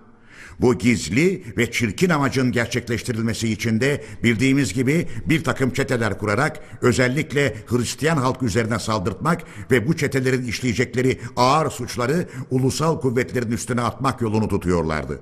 Bu girişimler az çok yurdun her yanında filiz vermeye başlamakla birlikte en önemli çalışma ve gelişme İstanbul'a yakınlığı dolayısıyla Biga, Balıkesir ve özellikle İzmit, Adapazarı ve Bolu dolaylarında oluyor ve dikkat çekici bir durum gösteriyordu. Biz bu hayınca ama açık söylemek gerekirse çok ustaca girişime karşılık olağanüstü tedbirler almak ve önleyici girişimlerde bulunmak zorunda kaldık. Çünkü İstanbul hükümeti bütün bu düşman girişimlerini gerçekten ulusal kuvvetlerce düzenlenmiş sanıyor ve ortadan kaldırılmaları için sert tedbirler alacağı yerde boyuna temsilciler kurulunu suçlayarak ve bu kurula baskı yaparak bu ağır suçları işleyen düşman çetelerinin dağıtılmasını bizden istiyordu. Ne yazık ki hükümet bu düşünce ve kanısını İstanbul'daki örgütümüz başkanlarına da aşılamayı ve onları kandırmayı başarmıştı. Efendiler, bizim özellikle İstanbul'a yakın olan İzmit bölgesinde uygulanmasını düşündüğümüz tedbir, orada silahlı ulusal birlikler kurulması ve o bölgedeki güvenilir komutan ve subaylarımızın da yardım ve desteğiyle bu ulusal birliklerin hayın çeteleri izleyip dokuncalarını ve varlıklarını ortadan kaldırmalarıydı. Yahya Kaptan işi işte bu amaçla meydana getirebildiğimiz ulusal birliklerin en önemlisi ve güçlüsü Yahya Kaptan diye tanınmış olan bir özverili vatanseverin birliğiydi. Merhum Yahya ile ilk ilişkimiz şöyle oldu. Bir gün telgrafçılar Sivas Telgraf Merkezi'ne şu bilgiyi veriyorlardı. Çok acele bir teli durdurdular. Yani İstanbul'da durdurdular. Telde bildirilenler aşağı yukarı şuydu. Sivas'ta Mustafa Kemal Paşa Hazretlerine. Dün İzmit'ten salık verilen Yahya benim. Yarın akşam Kuşçalı Telgrafhanesi'nde buyruğunuzu bekliyorum. Kuşçalı, Üsküdar'la Gebze arasında bir köydür. Gerçekten Yahya Kaptan bana İzmit'ten örgütümüzce salık verilmişti. 4 Ekim 1919 günü Kuşçalı merkezinden şu teli aldım. Önemli ve çok ivedidir. Sivas'ta Mustafa Kemal Paşa Hazretlerine. Ben size iki gün önce İzmit'ten salık verilen Yahya'yım. Buyruğunuz üzere telgraf başında buyruklarınızı almaya geldim. En son yarın akşama değin Kuşçalı Telgrafhanesi'ndeyim. Yahya. Anlaşıldığına göre Yahya Kaptan İstanbul'dan telinin çekilmediğini anlayınca kendisi daha Kuşçalı'ya gelmeden bu teli Kuşçalı merkezine göndererek çektirmiş. Belge 199. Ben de şu buyruğu verdim. Belge 200. 4 Ekim 1919. İzmit merkezi aracılığıyla Kuşçalı Telgrafhanesi'nde Yahya Efendi. Bulunduğunuz bölgede güçlü bir birlik kurunuz. Adapazarı Kaymakamı Tahir Bey aracılığıyla bizimle bağlantı sağlayınız. Şimdilik hazır bulununuz. Anadolu ve Rumeli Müdafaa Hukuk Cemiyeti Başkanı Mustafa Kemal. Efendiler, Yahya Kaptan aldığı bu buyruk üzerine birliği kurdu ve aylarca İstanbul'la ilişkisi olan çevrelerde hayın çetelerin iş görmelerine engel oldu. En sonunda İstanbul hükümetince öldürtüldü. Gerçi Yahya Kaptan'ın çalışmaları ve korkunç bir biçimde şehit edilmesi bundan sonraki aylarda geçen bir olay ise de burada olaydan söz açılmışken bir daha dönmemek üzere durumun açıklanması uygun olur düşüncesindeyim. 24 Kasım 1919 günü Kartal merkezinden şu teli aldım. Köy içinde suçsuz adam öldürme, bucak müdürünü herkesin gözü önünde dövme, köylülerden zorla para ve mal alma suçlarından dolayı Yahya Kaptan'ı hükümete teslim zorunluluğu vardır. Dahiliye Nazırlığı önemli bu işi izliyor. Hükümetin güç durumda kalmaması Yahya Kaptan'ın teslimini gerektiriyor. Buyruklarınızı makine başında bekliyorum efendim. İmza Kartal Anadolu ve Rumeli Müdafaa Hukuk Temsilciler Kurulu Başkanı Binbaşı Ahmet Necati. Askerlerin ve resmi görevlilerin bizim ulusal örgütlerle ilgili kurullarımızın başkanlıklarını açıktan almaları usulümüz değildi. Bir de bizim örgütlerle ilgili tüzüğümüzü bilmesi gereken kurul başkanlarının temsilciler kurulunun tek bir kurul olduğunu, her yerde birer temsilciler kurulu olamayacağını da bilmesi gerekirdi. Bu tel yazısı üzerine İzmit'teki tümen komutanına şu teli yazdım. Şifre, İvedidir, Sivas, 25-11-1919 İzmit'te 1. Tümen Komutanı Rüştü Beyefendi'ye Kartal Müdafaa Hukuk Cemiyeti Başkanı sanıyla binbaşı Ahmet Necati Bey'den gelen bir telde adam öldürme, bucak müdürünü dövme, köylülerden zorla para ve mal alma suçlarından dolayı Yahya Kaptan'ı hükümete teslim etmek zorunluluğu olduğu ve Dahiliye Nazırlığı'nın da bu işi önemli izlediği bildirilmektedir. Başlangıçtan beri ulusal ayaklanmada iyi hizmeti görülen bu adamın yurdumuzun bu sıkıntılı günlerinde hükümete teslim edilmesi hiç uygun görülmemekte olduğundan hükümetin erkini de göz önünde tutarak Yahya Kaptan'ın bu aralık yasa kovuşturmasından kurtulması işinin bir yoluna konulması, Kartal'da Necati Bey'e gereken yönergenin verilmesi ve sonucunun bildirilmesi önemli rica olunur. Temsilciler Kurulu adına Mustafa Kemal 26 Kasım 1919 günü Hereke merkezinden de şu teli aldım. Ulus adına çok rica ediyorum. Bugünlerde binbaşı Necati Bey'in görevini kötüye kullanması ulusal örgütleri lekelemektedir. Hemen soruşturma yapılmasına buyruğunuzu rica ederim. Gebze ilçesi Ulusal Kuvvetler Komutanı Yahya. İzmit'teki tümen komutanından aldığım karşılıkta şudur. İzmit, 29 Kasım 1919 Sivas'ta 3. Kolordu Komutanlığına. K. 25-11-1919 Temsilciler Kurulu Başkanlığına. Şimdiye dek yaptığım soruşturmaya göre Yahya Kaptan'ın adam öldürme, bucak müdürünü dövme gibi işler yapmadığı ve binbaşı Necati Bey denilen kişinin kendi özel çıkarını sağlamak için Yahya Kaptan'ın varlığını ortadan kaldırmak amacını güttüğü, bu konuda size telle başvurdukları zaman Yahya'yı da aldatarak yanlarına getirtip öldürme planı düzenledikleri halde Yahya'nın işi sezerek kendisini kurtarmış olduğu anlaşılmıştır. Soruşturmayı gereğince derinleştiriyorum. Sonucu bilginize sunacağım.'' Birinci Tümen Komutanı Rüştü. Tümen Komutanı Rüştü Bey'in birkaç gün sonra verdiği tamamlayıcı bilgi şuydu.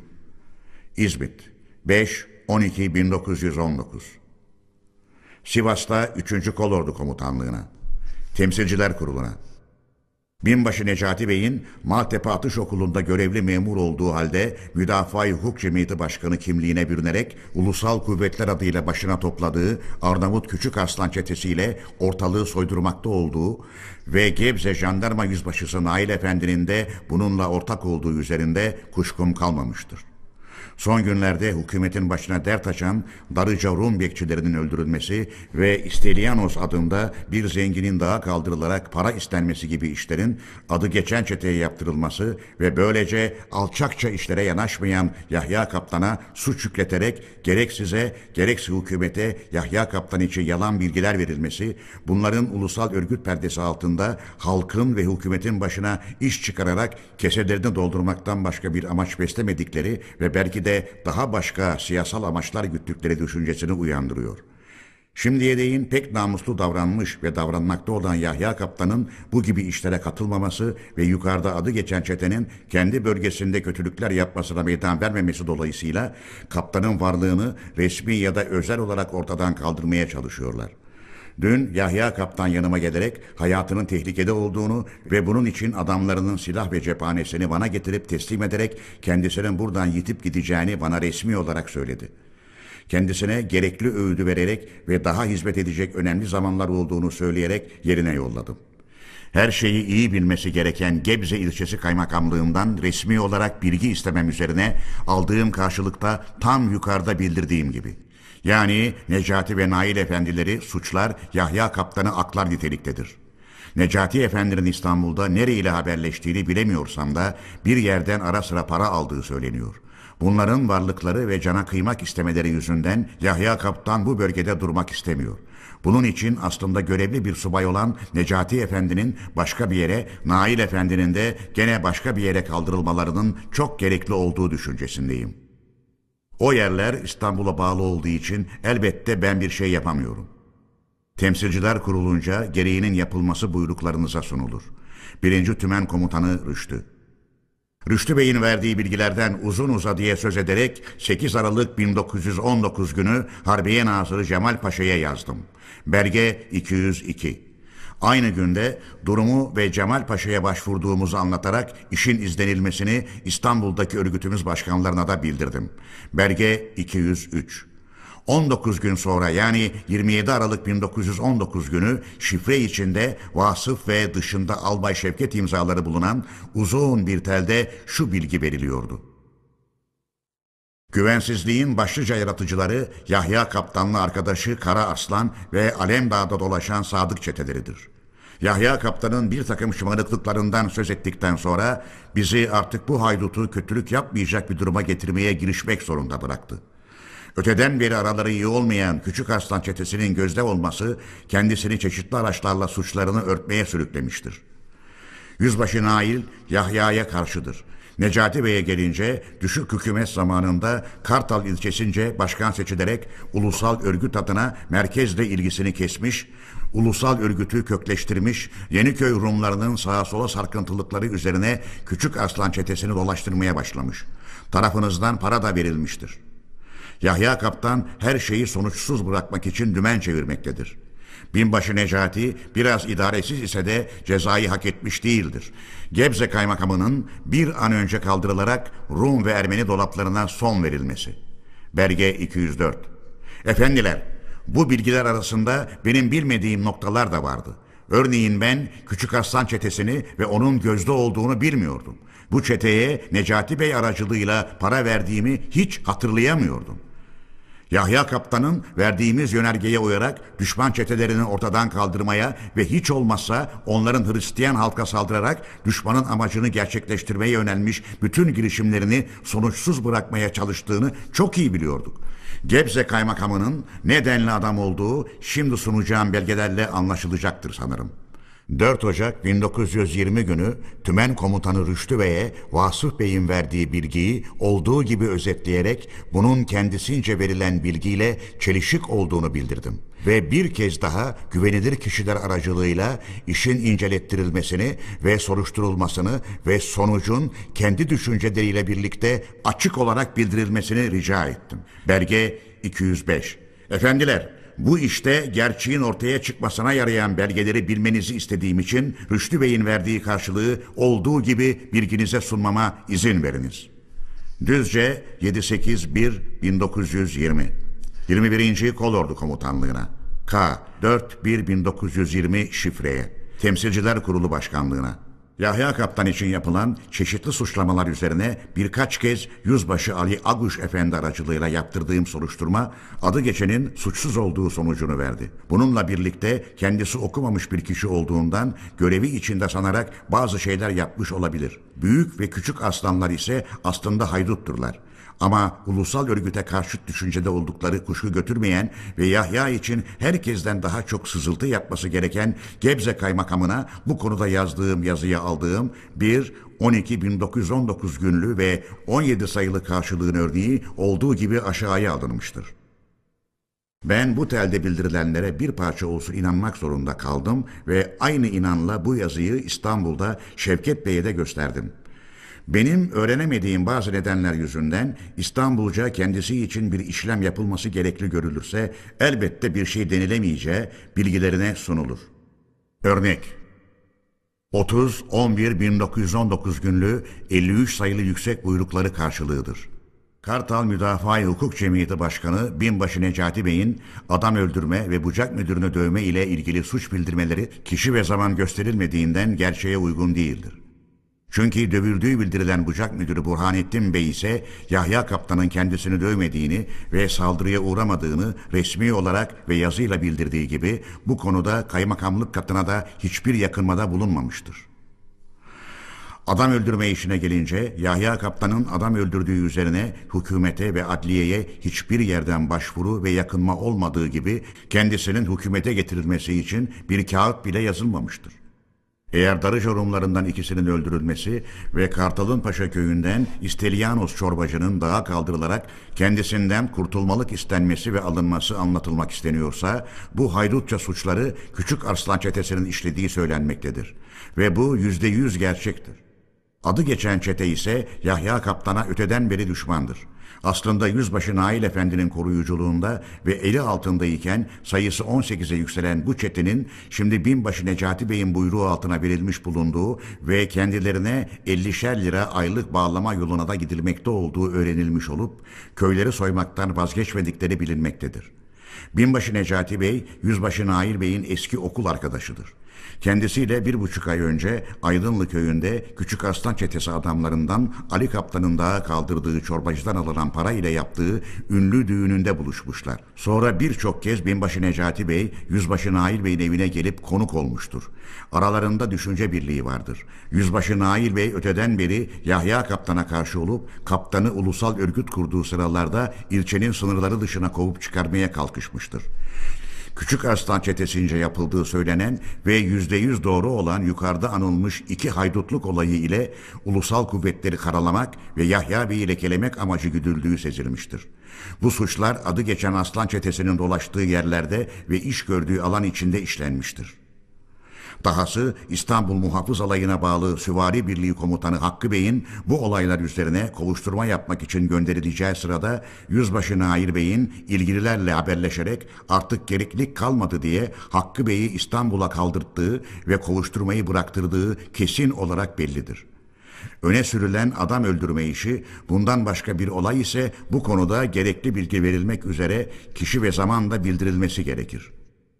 Darıca Rum bekçilerinin öldürüldüğü gün çarşıda ellerini kollarını sallayıp gezen küçük aslan çetesince bu işin yapıldığının ortalığa yayılması üzerine Yüzbaşı Nail Bey korkusundan kendisinin başka bir yere kaldırılmasını istemiş ve burada hiçbir türlü oturmayacağını söylemişse de alay ve tabur komutanları ve binbaşı Necati Bey buraya gelerek Yahya Kaptan için bir işlem yapılmasını delege Sırrı Bey'e yazdıracaklarını söz ve güvence vererek yerinde kalmasını istemişlerdi. Bu kez Yüzbaşı Nail Bey 25 Kasım 1919 Salı günü gelip giden Necati Bey'i aldatarak gerçeğe uymayan ihbarlarda ve suçlamalarda bulunduğu gibi bir yandan telefonla Yahya Kaptan'ı merkeze çağırtarak öte yandan Küçük Aslan çetesini de kendi evinde hazır bulundurarak kaptanı yakalatmayı tasarlamışsa da her nedense bunu göze alamayarak giriştiği işten vazgeçmek ve Necati Bey de Kartal'a dönmek zorunda kalmıştır.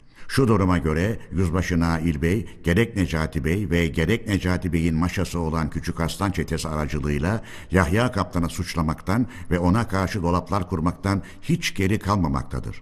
Yahya Kaptan kendisine karşı çıkan ve düşman olan Küçük Aslan çetesi uyarınca köyleri soymaya ve Hristiyanları öldürüp yok etmeye izin vermediği gibi kendi buyruğu altında bulunan Büyük Aslan Bey çetesince bazı uygunsuz işler yapıldığında hemen önleme ve cezalandırma yoluna giderek ulusal ülke olan bağımsızlık ve yurt esenliği kaygısıyla güvenliğin ve sıkı düzenin korunmasına hizmet etmektedir. Bundan önce de Büyük Aslan Bey çetesinin aman dilemesine ve sığınmasına yardımcı olmak ve bağışlanmasını sağlamakla yaptığı hizmetler övülmeye değer. Yahya Kaptan'ın suçlu gösterilmesi, yüzbaşının kişisel isteklerine boyun eğmemesinden ve küçük aslan çetesince yapılıp Yahya Kaptan'ın üstüne yıkılmak istenen haydutlukların eksik olmamasından ve bunu yapanların korunması dolayısıyla yüzbaşının kınanmasından ve kendisine sert uyarmalarda bulunulmasından ileri gelmektedir. Bilgilerine sunulur. Gebze Kaymakamı Mehmet Nurettin, 1. Tümen ve Bolu Bölgesi Komutanı Rüştü. Efendiler, bu bilgiler gelmeden önce şöyle bir haber verdiler. Yahya Kaptan Tavşancıl'da sarıldı. Bunu yapan İstanbul'dan gelen bir askeri birliktir. Bu haber üzerine İzmit'teki tümen komutanlığından 7 Ocak 1920 günlü kapalı telle makine başında bilgi istedik. Ve haber doğru ise İstanbul'dan geldiği bildirilen birlik komutanına söz konusu kişinin Yahya Kaptan'ın bizim adamımız olduğunu ve eğer yersiz bir işi ve suçu varsa elbette gereğinin bizce yapılacağını ve hiçbir türlü Yahya Kaptan'ın sarılmasını ve tutuklanmasını uygun görmediğimizi bildiriniz dedik. Belge 206 Efendiler, 7 Ocak 1920'de yazılıp 8'de aldığımız iki tel vardır. Bunlardan biri İzmit'ten 1. Tümen Komutan Vekili imzasıyla Fevzi Bey'dendir. Bildirdiği şudur. Bu gece 2000 kişilik bir kuvvet Tavşancıl'a çıkarak Ulusal Kuvvetler Komutanı Yahya Bey'i sarmışlardır. Yapılacak işlemin bildirilmesi buyruklarına sunulur. Öteki telde Düzce'de bulunan asıl tümen komutanından geliyordu. Rüştü Bey merkezde bulunan vekilinden aldığı aynı bilgiyi veriyordu. Belge 207 Tümen Komutan Vekili Fevzi Bey'in 7 Ocak 1920 günlü sorumuza verdiği 7-8 Ocak 1920 günlü karşılığında Yahya Kaptan'ın daha ele geçmediği, gelen birlikle ulusal kuvvetler arasında bir çarpışma olabileceği ve gelen birlik komutanına buyruğumuzu bildireceği haber veriliyordu. Belge 208 Efendiler, o günlerde milletvekili olarak İstanbul'da bulunan emir subayını Cevat Bey'den 10 Ocak 1920'de şöyle bir tel geldi. Harbiye 11.1920 20. Kolordu Komutanlığına Mustafa Kemal Paşa Hazretlerine 6-1-1920 gecesi sabaha karşı Jandarma Genel Komutanı Yardımcısı Hilmi Bey ve Üsküdar Jandarma Komutanı Nazmi Bey komutasında 4 subay, 50 jandarma ve Yüzbaşı Nahit Efendi komutasında İstanbul Muhafız Alayı'ndan 90 er Bandırma vapurunun ışıkları söndürülerek Hereke'ye götürülmüş ve sabaha karşı Hereke'ye çıkan birlik hemen Tavşancılı kuşatmış ve çeşitli evleri basmıştır. Gelenler köy ihtiyar kurulunu toplayarak vatan hayyını olan Yahya'yı teslim etmezler ya da nerede olduğunu söylemezlerse tavşancılığı insanlarıyla birlikte yakacaklarını söylemişlerdir. İhtiyar kurulu iki günden beri Yahya Kaptan'ın köylerinde olmadığını ve nerede bulunduğunu bilmediklerini direnerek söylediler. Yahya sağ olarak ele geçemeyecektir. Fakat Yahya'nın ölümünden sonra Marmara bölgesini elinde tutan ve bölgede üstün duruma gelen ve her gün İngilizler ve Fransızlar eliyle silahlandırılan Rumların ve İstanbul'daki alçakların pek büyük bir başarı sağlayacakları bellidir.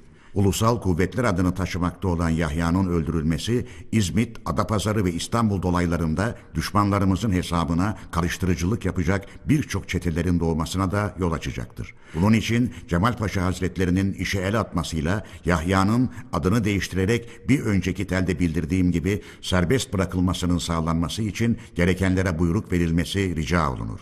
Cevat, Harbiye Nazırı Cemal bu telin Harbiye şifresiyle ve Cemal Paşa imzasıyla kapatılmış olması ama içinde Cemal Paşa Hazretlerinin işe el atmasıyla Yahya'nın kurtarılmasının sağlanması kısmı dikkat çekicidir.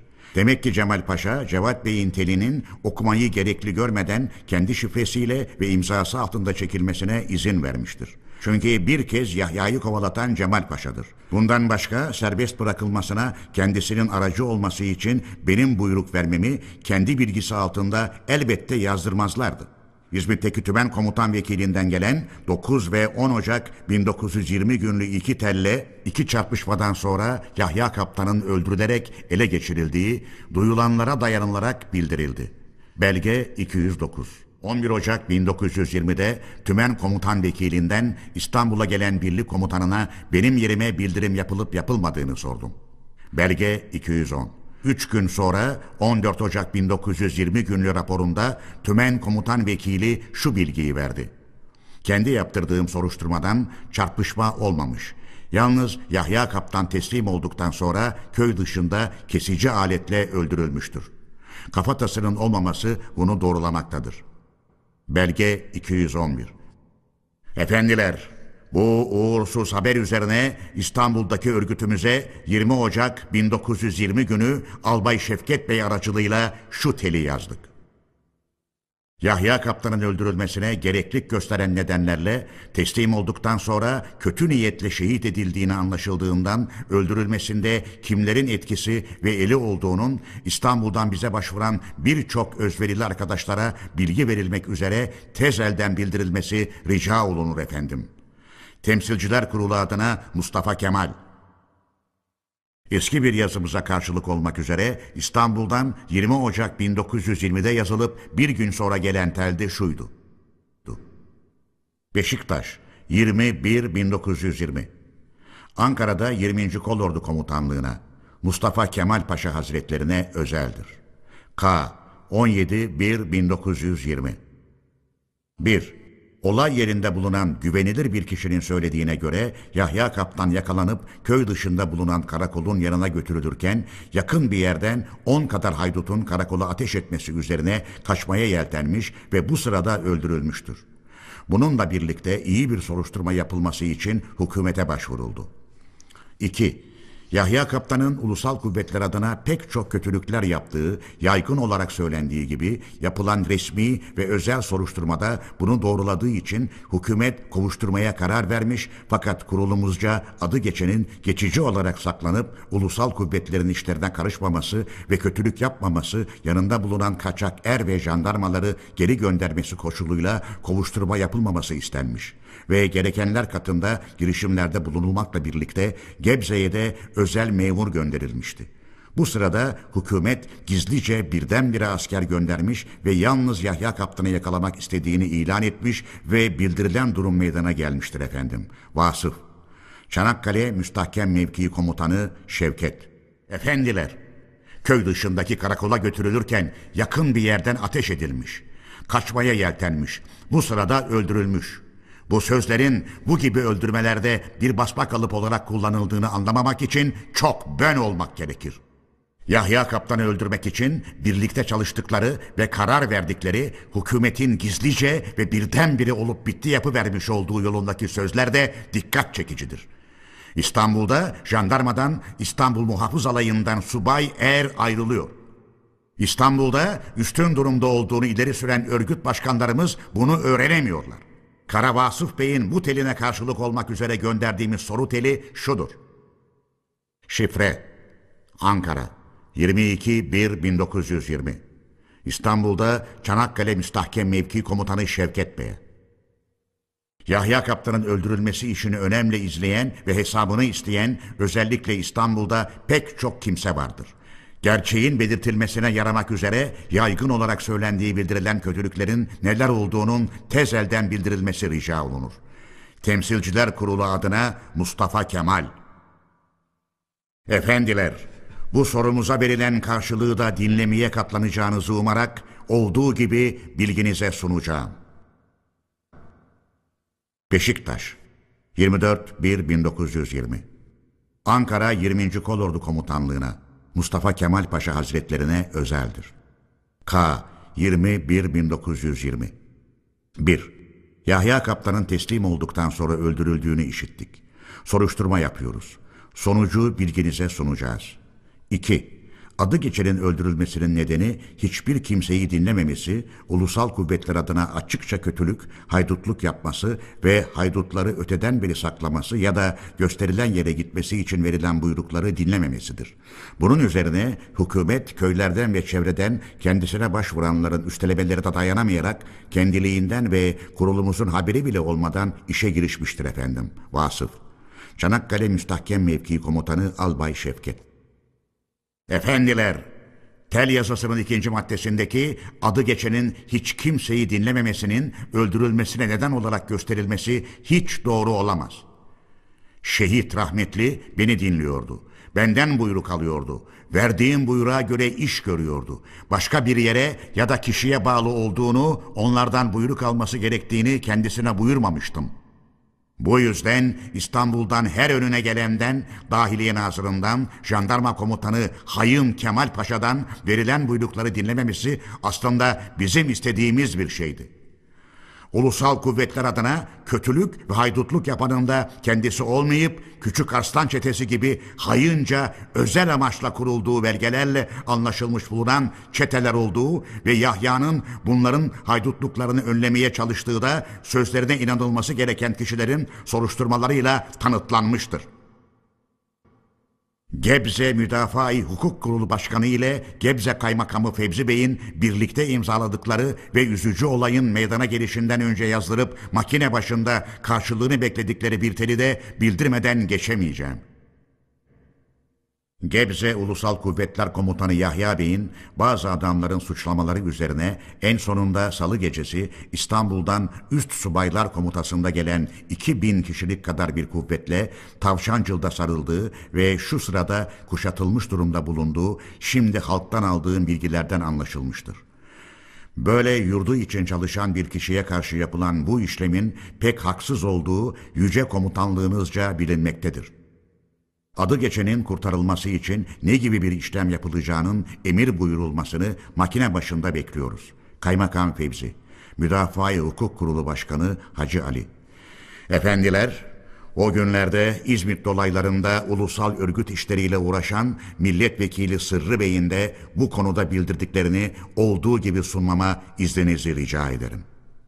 İzmit, 11-1-1920 20. Kolordu Komutanlığına 1. Mustafa Kemal Paşa Hazretlerine dört gün önce yazışması yapılmış olan Yahya Kaptan işi en sonunda haber almış olacağınız üzere şehit edilmesiyle sonuçlandı. 2.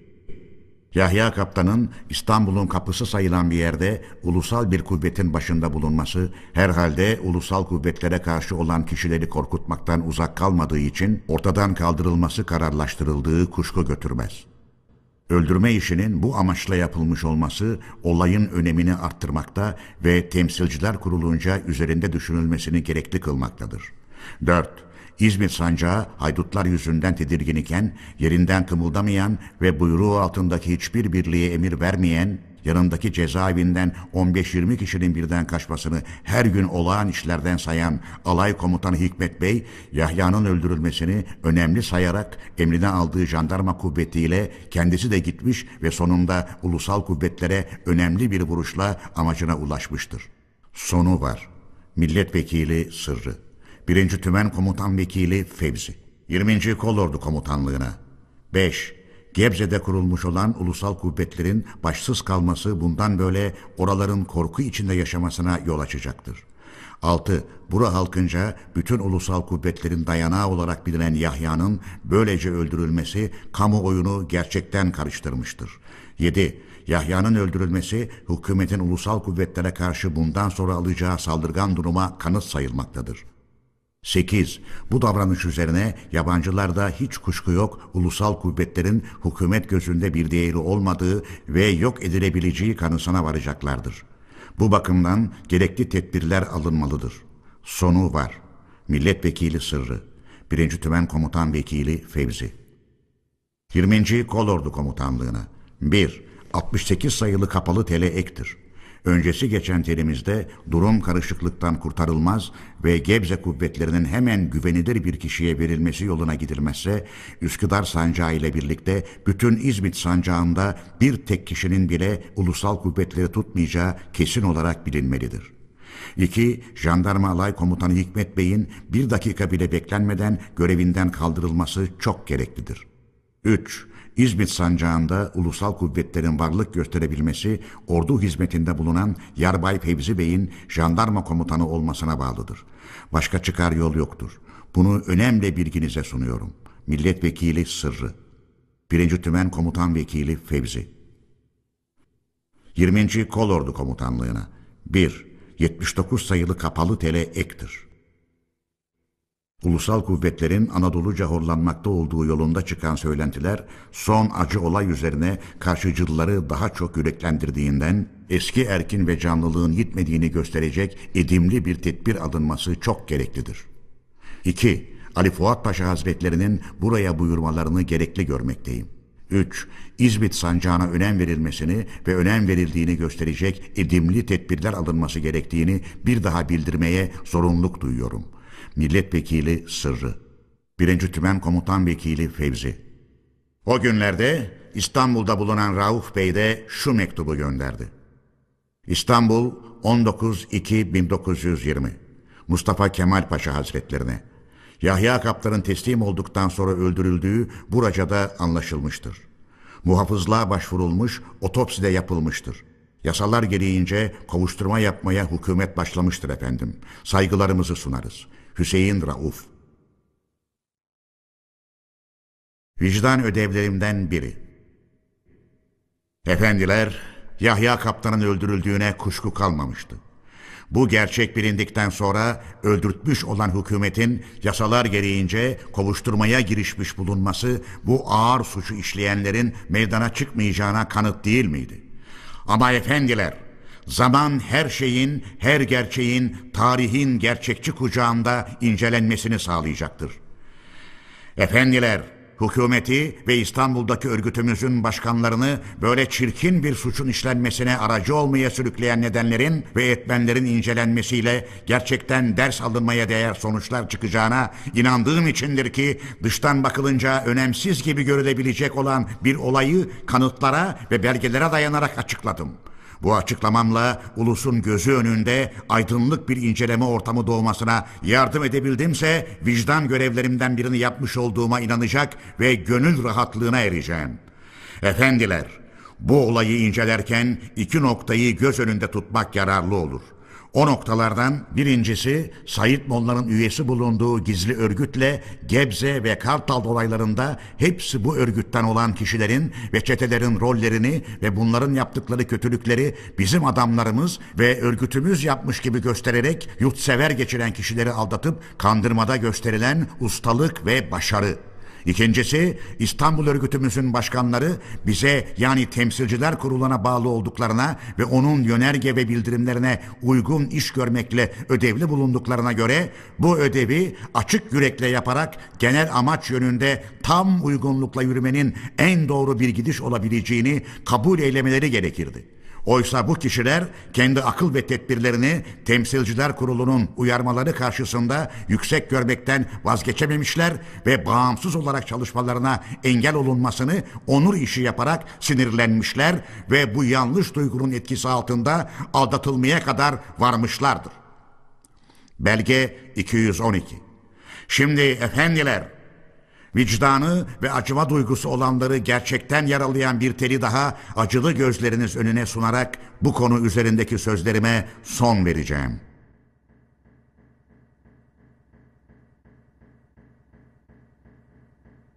...4960... İstanbul... ...14-1-1920...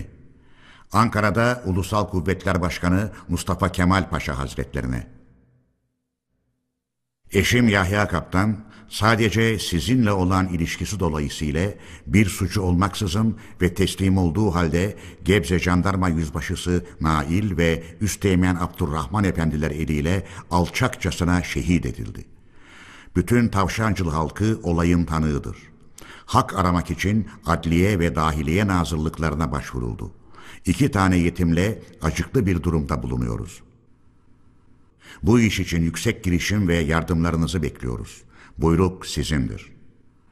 Karagümrük'te, Keçeciler'de, Karabaş Mahallesi'nde 19 sayılı evde oturan Yahya Kaptan eşi, Şevket Hanım. 1919 sonbaharında karşılaştığımız başka bazı olaylar. Efendiler, Yahya Kaptan işine 20 Kasım 1919 günündeki olaylar dolayısıyla dokunduk. Genel olaydan yer ve zaman bakımından çokça uzaklaşarak Yahya Kaptan olayının açıklanmasını bütünlemek zorunda kaldık. Şimdi izin verirseniz yeniden bıraktığımız yere dönerek olayları izleyelim. Ankara Eskişehir Demiryolu'nun işletilmesine itilaf devletlerince engel olunmuştu. Bu yolun işletilmesi için itilaf devletleri temsilcilerine sert bir protesto notası verilmesi 21 Ekim 1919'da Ankara Merkez Kurulu'na bildirildi. Adana örgütü kurucularının Niğde'ye ya da Kayseri'ye gelerek bizimle görüştükten sonra çalışmalarını sürdürmeleri sağlandı. Aydın cephelerinde durum her gün güçleşmekte ve ağırlaşmakta olduğundan Salih Paşa ile Amasya'da kararlaştırdığımız üzere donanma cemiyetinin 400 bin lirasının bu cephelere verilmesini Harbiye Nazırı'na yazdık. Bu cephelerde savaşanlara silah ve cephane verilmesini, cephenin makineli tüfek ve topçu birlikleriyle desteklenmesini Konya'daki 12. Kolordu Komutanından rica ettik. Efendiler, Fransızlar Bandırma Soma demiryolunu sözde denetlemek için Bandırma'ya bir birlik çıkarmışlardı. Güvenlik bakımından çok iyi olan Bandırma'ya asker çıkarmaya hakları olmadığı apaçıktı. Bu noktaya 24 Kasım 1919'da 14. Kolordu ve 56. Tümen komutanlarının dikkatlerini çektik. Yabancı subaylar Aydın cephelerinde dolaşarak propaganda yapıyorlar ve buranın durumunu öğreniyorlardı. Bu gibi subayların cephedeki birliklerle ilişki kurmalarına hiç meydan verilmemesini ve gerekli ise resmi olarak hükümete başvurmalarını. Eğer ulusal kuvvetler için bir söyleyecekleri olursa merkez kurullarımız aracılığıyla bize başvurmaları gerektiğinin kendilerine bildirilmesini. Bunlardan propaganda yapanlar bulunursa göz altında bölgeden çıkarılmalarını ve kesin zorunluluk olursa cephede görülecek itilaf askerlerine karşı da silah kullanılmasını cepheye bildirdik. Efendiler, biz İzmir halkının da edimli olarak seçimlere katılmasını sağlamak istiyorduk ve o yolda çeşitli araçlarla isteğimizi duyuruyorduk. Fakat Yunanlılar elbette buna engel oluyorlardı. 29 Kasım 1919 günü bu davranışı itilaf devletleri temsilcileri ile tarafsız elçilikler katında protesto ettik. Ve bunu o sırada İzmir Telgraf ve Posta Başmüdürü bulunan Ethem Bey'e yazarak İzmir halkına da duyurmak istedik. Efendiler, belki birçoklarınızın hatırındadır. Adana düşman elindeyken orada Ferda adında ulusal kuvvetlere karşı bir yabancı gazete yayımlanıyordu. Bu gazete yalnızca Anadolu halkını aldatmak ve yanlış yola sürüklemek amacıyla çıkıyordu ve sütunları bizi kötüleyen uydurmalarla doluydu. Elbette bu gazetenin Anadolu'nun içlerine sokulmasını yasak ettik. Fakat bu gazetenin yurtta okunmasını elbette yararlı bulan da vardı. Ali Rıza Paşa hükümetinin dahiliye nazırı olan ve temiz olduğuna Cemal Paşa'nın birçok kez tanıklık ettiği damat Şerif Paşa, Ferda gazetesinin bu ağı saçan paçavranın yurda serbestçe sokulmasına engel olunmaması için buyruklar vermişti. Bundan dolayı Şerif Paşa'nın arkadaşı Cemal Paşa'nın 3 Aralık 1919'da dikkatini çekmeyi gerekli bulduk. Ankara'ya geliş Efendiler, Millet Meclisi'nin İstanbul'da toplanmasını önleyememek zorunluluğu üzerine İstanbul'da toplanacak mecliste yurdun bütünlüğünü, devletin ve ulusun bağımsızlığını güven altına alma amacımızı korumak ve savunmak için birleşik ve dayançlı bir grup meydana getirmeyi tek çare olarak düşündük. Bunun sağlanması için bildiğiniz gibi 18 Kasım 1919 günlü yönerge ve genelgede milletvekillerinin belli yerlerde grup grup toplanarak görüşecekleri önemli noktalardan biri olarak bu konuyu ele almıştık. Gene o zaman düşündük ki bu grubun kurulmasını sağlamak için her sancaktan birer milletvekilini Eskişehir'e çağıralım. Eskişehir üzerinden trenle İstanbul'a gidecek milletvekillerini de çağıracağımız milletvekilleriyle birleştirelim ve kendimiz de Eskişehir'e giderek genel bir toplantı yapıp işleri enine boyuna görüşelim.'' Bu arada milletvekillerinin İstanbul'da güvenliğiyle ilgili tedbirleri de söz konusu etmek istiyorduk. Fakat bundan sonra açıklayacağım nedenlerle toplantıyı Ankara'da yapmayı yeğledik. Daha bir ay kadar Sivas'ta kaldıktan sonra artık Ankara yolunu tuttuk. Ankara'ya gelişimizin 27 Aralık 1919 günlü şu açık bildirimle her yere duyurduk. Sivas'tan Kayseri yoluyla Ankara'ya gitmek üzere yola çıkan Temsilciler Kurulu bütün yol boyunca ve Ankara'da büyük ulusumuzun ateşli ve içten yurtseverlik gösterileri içinde bugün buraya geldi. Ulusumuzun gösterdiği birlik ve dayanç, yurdumuzun geleceğini güven altına alma konusundaki inancı sarsılmaz bir biçimde destekleyecek niteliktedir. Şimdilik Temsilciler Kurulu'nun merkezi Ankara'dadır. Saygılarımızı sunarız efendim.'' Temsilciler Kurulu adına Mustafa Kemal. 2 Ocak 1920 günü cemiyetin merkez kurullarına Hacı Bektaş'ta Çelebi Cemalettin Efendi'ye, Mutki'de Hacı Musa Bey'e ayrıca bir bildirim yaptık. Bu bildirimimizin içindekiler ve yazılış biçimi şöyleydi. Yolculuğumuz sırasında görüp incelediklerimiz bizlere gerçek koruyucu Ulu Tanrı'nın yardımı ile meydana gelen ulusal birliğimizin dayanağı olan ulusal örgütün kök salmış ve ulusun ve yurdun geleceğini kurtarmak için gerçekten güvenilir bir güç ve erk durumuna gelmiş olduğunu sevinçle gösterdi.'' Dış durum bu ulusal dayanç ve birlik yüzünden Erzurum ve Sivas Kongresi ilkelerine göre ulusun ve yurdun yararına elverişli bir şekle girmiştir. Kutsal birliğimize, dayanç ve inancımıza güvenerek türeye uygun isteklerimizin elde edileceği güne değin hiç yılmadan çalışılması ve bu bildirimimizin köylere varıncaya dek bütün ulusa duyurulması rica olunur.'' Anadolu ve Rumeli Müdafaa-i Hukuk Cemiyeti Temsilciler Kurulu adına Mustafa Kemal. Kazım Karabekir Paşa, Temsilciler Kurulu'nun Ankara'ya gitmesini istemiyordu. Efendiler, Temsilciler Kurulu merkezinin Ankara'ya taşınması düşüncesi oldukça eskiydi. Bu düşünce ilk ortaya atıldığı sıralarda Kazım Karabekir Paşa'dan gelmiş olan bir teli olduğu gibi burada bildireceğim. Şifre Erzurum'dan 3 Ekim 1919 3. Kolordu Komutanlığı'na Temsilciler Kurulu'na Ulusal kuvvetleri temsil eden yüksek kurulun değil Ankara'ya gitmek, Sivas'ın batısına bile geçmemesi düşüncesindeyim. Çünkü Doğu illerinin ulusal örgütü olan kurulun bütün bütün uzaklaşması dolayısıyla bu illerin örgütsüz kalmasına yol açacaktır.'' Bundan başka şimdiye değin tam türeye uygun ve mantıklı olarak yönetilmekte olan ulusal örgütün belli bir yerde korunması gereklidir. Bu bakımdan öteden beri her zaman her girişimimizi kötü görmek ve göstermek isteyen düşmanlarımızın yaptıklarını göz önünde tutarak Temsilciler Kurulu'nun Sivas'tan batıya geçmemesi düşüncesinde bulunduğumu bilgilerinize sunarım. 15. Kolordu Komutanı Kazım Karabekir Böyle bir telin gerçek olamayacağı yargısına varmak istedim. Fakat ne çare ki bu kapalı tel Erzurum'dan Sivas'taki 3. kolorduya çekilmiştir. Açılan şifrenin altında açıldı. Fethi 4-5 Ekim yazısı ve imzası olduğu halde 3. kolordudan bize gönderilmiştir.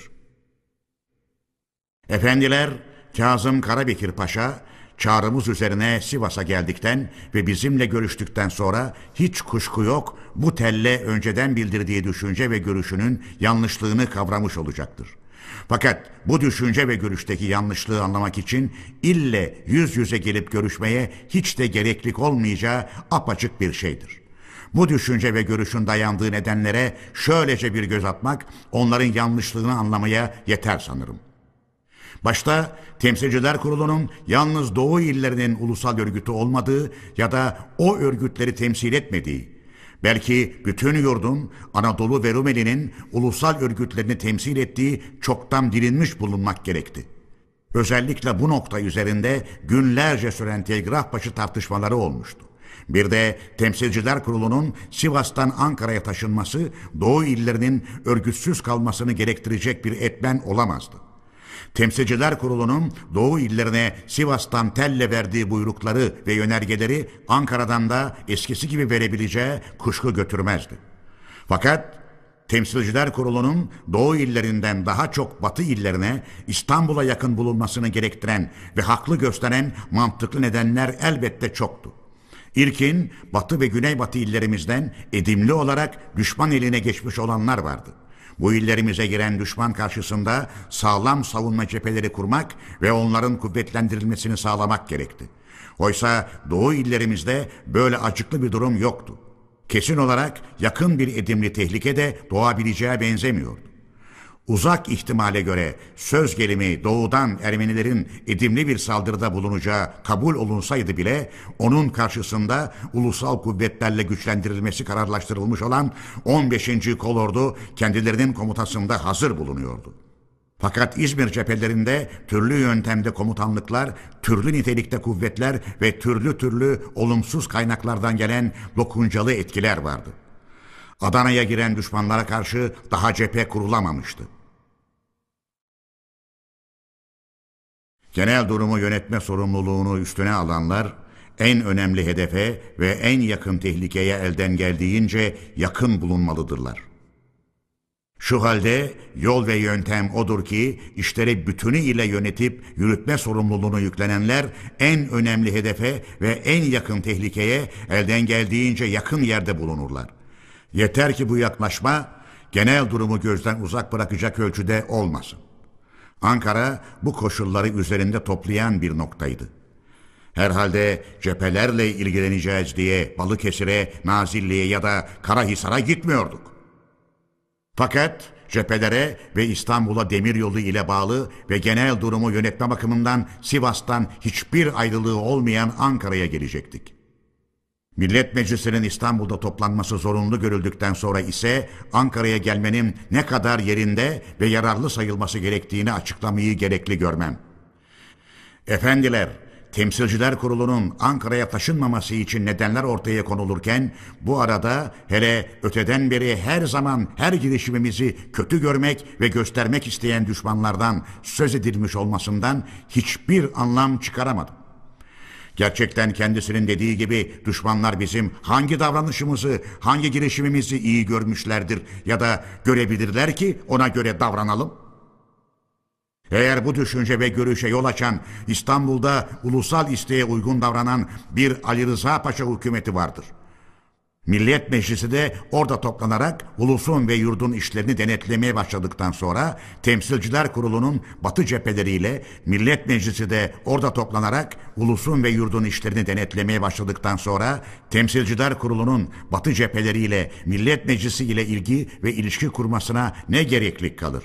Öyleyse Temsilciler Kurulu'nun yalnız Doğu illerinin örgütleriyle ilgilenmesi ve bununla yetirmesi daha yerinde ve daha yararlı olmaz mı? Gibi düşünce ve görüş idiyse bir ölçüye dek üzerinde durulabilir. Fakat böyle olunca da genel durumu ve olaylarla koşulların gerçek yüzünü görüşte ve anlayışta Temsilciler Kurulu ile Kazım Karabekir Paşa arasında doldurulamayacak bir hendek olduğunu kabul etmek gerekir. Temsilciler Kurulu'nun Ankara'ya gelmesini düşmanlar kötü görecektir noktasında daha çok durularak belki ileri sürülmüş olan düşünce ve görüşün kaynağı ve çıkış yeri daha iyi kavranabilirse de bizim şimdilik buna ayıracak zamanımız yoktur. Yeni milletvekilleriyle Ankara'da görüşme. Efendiler, Bundan önce de söylediğim gibi bir iki günlük bir toplantı ve görüşme isteğiyle milletvekillerini çağırmak için ilk yazdığımız telde ki bu tel örneğini bir bildirim biçiminde basılı olarak da postayla göndermiştik. Amaç bildirildikten sonra temsilciler kurulunun bulunacağı bir yerde toplanılacak. Toplantı zamanı ise gönderilecek milletvekillerinin adları ve adresleri belli olduktan sonra haberleşerek kararlaştırılacaktır. Temsilciler Kurulu kısa bir süre içinde İstanbul'a yakın bir yere gidecektir denilmişti. Belge 213 Ankara'ya varışımızda Ankara Eskişehir demiryolu işlemeye başlamış olduğundan önceki bildirimimize 29 Aralık 1919 gününde yaptığımız bir ekte milletvekilleriyle görüşme yeri olarak Ankara'yı gösterdik ve genelge ile bildirdik. Bu genelgenin bir maddesi de öteki milletvekillerinden olabildiğince çok kişinin görüşmelere katılmasının pek çok istenmekte olduğu yolundaydı. Belge 214 Efendiler, sonucunun pek çok yararlı olacağını umduğumuz bu iyicil ve yurtseverce girişimin bile İstanbul hükümeti üyelerince önüne çıkıldığını bilginize sunarsam şaşmazsınız sanırım. İzin verirseniz bu noktayı biraz açıklayayım. Biz milletvekillerini Ankara'ya çağırırken onlar da bir takım kişilerin bu çağrıya gelmemelerini ve tasarlanan toplantının yapılmamasını sağlamak için karşı tedbir alıyorlar ve girişimde bulunuyorlarmış.'' Kimi milletvekillerinin çektikleri teller üzerine bu işi anladık. Örneğin Burdur Milletvekili Hüseyin Baki imzalı ve 29 Aralık 1919 günlü şöyle bir tel geldi. İstanbul'da toplanan milletvekilleri adına Aydın Milletvekili Hüseyin Kazım imzasıyla Teftiş Kurulu Başkanlığına gelen telde en hızlı araçla İstanbul'a gelmekliğimin pek çok gerekli olduğu duyurulmakta ve bugün Dahiliye Nazırlığından gelen telde de yola çıkmaklığım bildirilmekte. Bundan önce Temsilciler Kurulu adına Mustafa Kemal Paşa Hazretlerinden gelen buyruk ve bildirim üzerindeki görüşümü açıklayıp bilginize sunduğum halde şimdiye dek bu yolda bir buyruk alamadığımdan sizlerden haber gelmesini önemle beklemekteyim efendim. Akta Madeni Milletvekili Bahri imzalı ve gene 29 Aralık 1919 günlü bir telde de Aydın Milletvekili Hüseyin Kazım imzasıyla gelen telde milletvekillerinin en hızlı araçla İstanbul'a gelmeleri bildiriliyorsa da Temsilciler Kurulu üyeliğine seçilen milletvekillerinin mi yoksa bütün milletvekillerinin mi çağrıldığı pek anlaşılamamıştır. Hangi yolu tutacağımı bildirmek iyiliğinde bulunmanızı çok rica ederim. Buyruk sizindir. Buna benzer teller arka arkaya geldi.'' Bu tellerden kolayca anlaşılıyordu ki milletvekili arkadaşlar temsilciler kurulu ile İstanbul hükümetini ve İstanbul'dan tel çekerek bütün milletvekillerini çağırma yetkisini kendinde görebilen kişileri ortak amaçta birbiriyle anlaşmış ve uyuşmuş sayıyorlardı. Hükümetin ve sözü geçen kişilerin olumsuz niyetlerini akıllarına ve hayallerine bile getirmiyorlardı. Olsa olsa bizimle İstanbul'daki kişiler arasında yeni kararlaştırılmış bir durum bulunduğunu ya da düzenleme bakımından arada bir yanlışlık olabileceğini sandıkları ve öyle kabul ettikleri bize gelen tellerindeki temiz yüreklilik ve içtenlikten anlaşılmaktaydı. Bize başvuran milletvekillerine verdiğim karşılık şuydu. Hüseyin Kazım Bey'in bildirdikleriyle bizim hiçbir yönden ilgimiz yoktur.'' Adı geçenin durumu iyice bilmediği anlaşılıyor. 17 ve 29 Aralık 1919 günlü tellerimiz uyarınca iş görülmesi ulusumuzun ve yurdumuzun yararına daha uygun olduğundan gereğinin tez elden yapılmasını ve Kazım Bey'in kendi kendine yapmış olduğu bildirime uygun düşecek bir karşılık verilmesini ve sonucun bildirilmesini rica eder saygılarımızı sunarız efendim. Temsilciler Kurulu adına Mustafa Kemal bütün milletvekillerine de şu genelgeyi yazdık. Ankara, 30 Aralık 1919 Aydın Milletvekili Hüseyin Kasım Beyefendinin sayın milletvekillerinden kimilerine tezelden İstanbul'a gitmeleriyle ilgili teller çektiği anlaşıldı. Bu davranış adı geçen kişinin durumu iyice bilmediğini gösterdiğinden kendisine durum anlattırıldı ve gün sayılı bildirimler üzerine bilgi verildi. Bunun için Temsilciler Kurulu'nca rica edildiği gibi Temsilciler Kurulu üyesi olarak seçilmiş sayın milletvekilleriyle öteki milletvekillerinden görüşmelere katılmak isteyen sayın kişilerin Ocak ayının beşinden başlayarak Ankara'ya buyurmaları yeniden açıklanarak rica olunur. Temsilciler Kurulu adına Mustafa Kemal 30 Aralık 1919 günlü bir kapalı tellede İstanbul'daki örgütümüze Hüseyin Kazım Bey'in girişiminden söz ettikten sonra bizim bildirimlerimizin kendisine duyurulmasını ve görüşmelere katılmak istiyorsa tezelden Ankara'ya buyurup gelmeleri gerektiğinin anlatılmasını bildirdik. Belge 215 Efendiler, biz İstanbul'daki örgütümüzden haber beklerken karşımıza bir kişi çıktı. Bunun kim olabileceğini kestirmede güçlük çekmezsiniz sanırım. Bildiğiniz gibi hem bizim İstanbul'da delegemiz hem de nazır olan bir kişi. Cemal Paşa. Evet, 1 Ocak 1920 günlü Şutel Harbiye Nazırı Cemal Paşa imzasıyla geliyordu. 20. Kolordu Komutanlığına, Mustafa Kemal Paşa Hazretlerine, İstanbul'da bulunan milletvekillerinden bir grubun bize başvurarak verdikleri yazılı isteklerini olduğu gibi aşağıda sunuyorum. 1. Millet Meclisi'nin bir an önce toplanması çok gereklidir.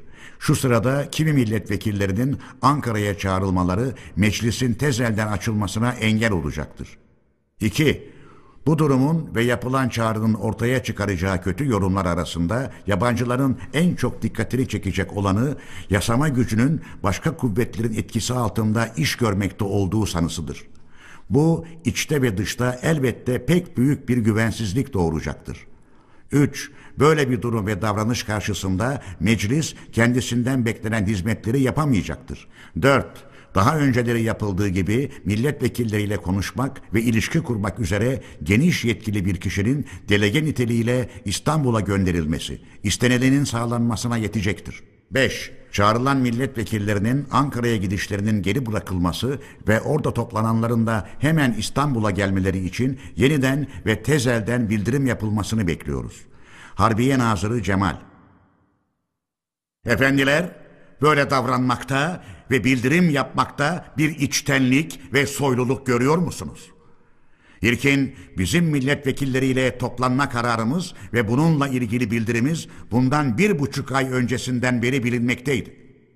Eğer bu girişimimiz yurt yararına gerçekten uymaz ve sakıncalı görülmüş idiyse, güdülen ulusal amaçta bizimle birlik olduklarını ileri sürmekte bulunan efendilerin ve hükümetin bizim çağırdığımız milletvekillerine İstanbul'a gelmeleri için tel çekmeden önce bizimle anlaşmaları, hiç olmazsa düşüncelerinden ve girişimlerinden bize bilgi vermeleri gerekmez miydi?'' Böyle yapmayıp da doğrudan doğruya İstanbul'a gidişlerini çabuklaştırmak için denetleme kurulu başkanlıkları aracılığıyla Şeyh Muhsini Fani'nin ve Dahiliye Nazırı'nın imzalarıyla Taşra'daki milletvekillerini sıkıştırıp şaşırtmak ve olup bittiler yaratarak bizim girişimimizi sonuçsuz bırakmaya kalkışmak doğru muydu?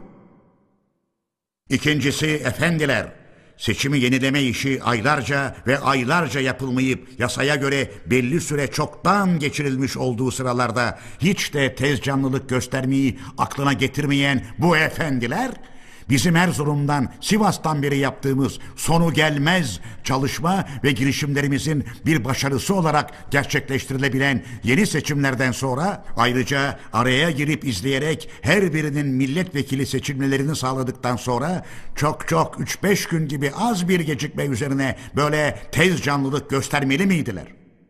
Hele bu gecikme büyük bir ülkünün gerçekleştirilmesi, özellikle İstanbul'da toplanma aymazlığını gösterenlerin kendi güvenlikleriyle ilgili tedbirlerin alınması yollarını görüşmek amacıyla olursa bu efendileri bu denli ivediye sürüklemeli miydi? Hiçbir tedbir ve karar almadan bir an önce horlanmaya ve küçümsenmeye koşup gitmek neden ileri geliyordu?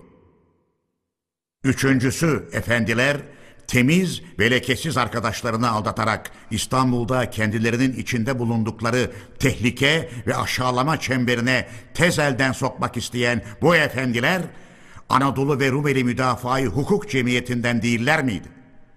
Bu ulusal derneğin üyesi bulunmuyorlar mıydı? Bir derneğin üyeleri milletvekili oldukları halde bile derneğin önderleriyle görüşerek en sonunda saptanacak programa göre iş görmek zorunda değil midirler? Dünyanın her yerinde bütün uygar toplumlarda bu böyle değil midir?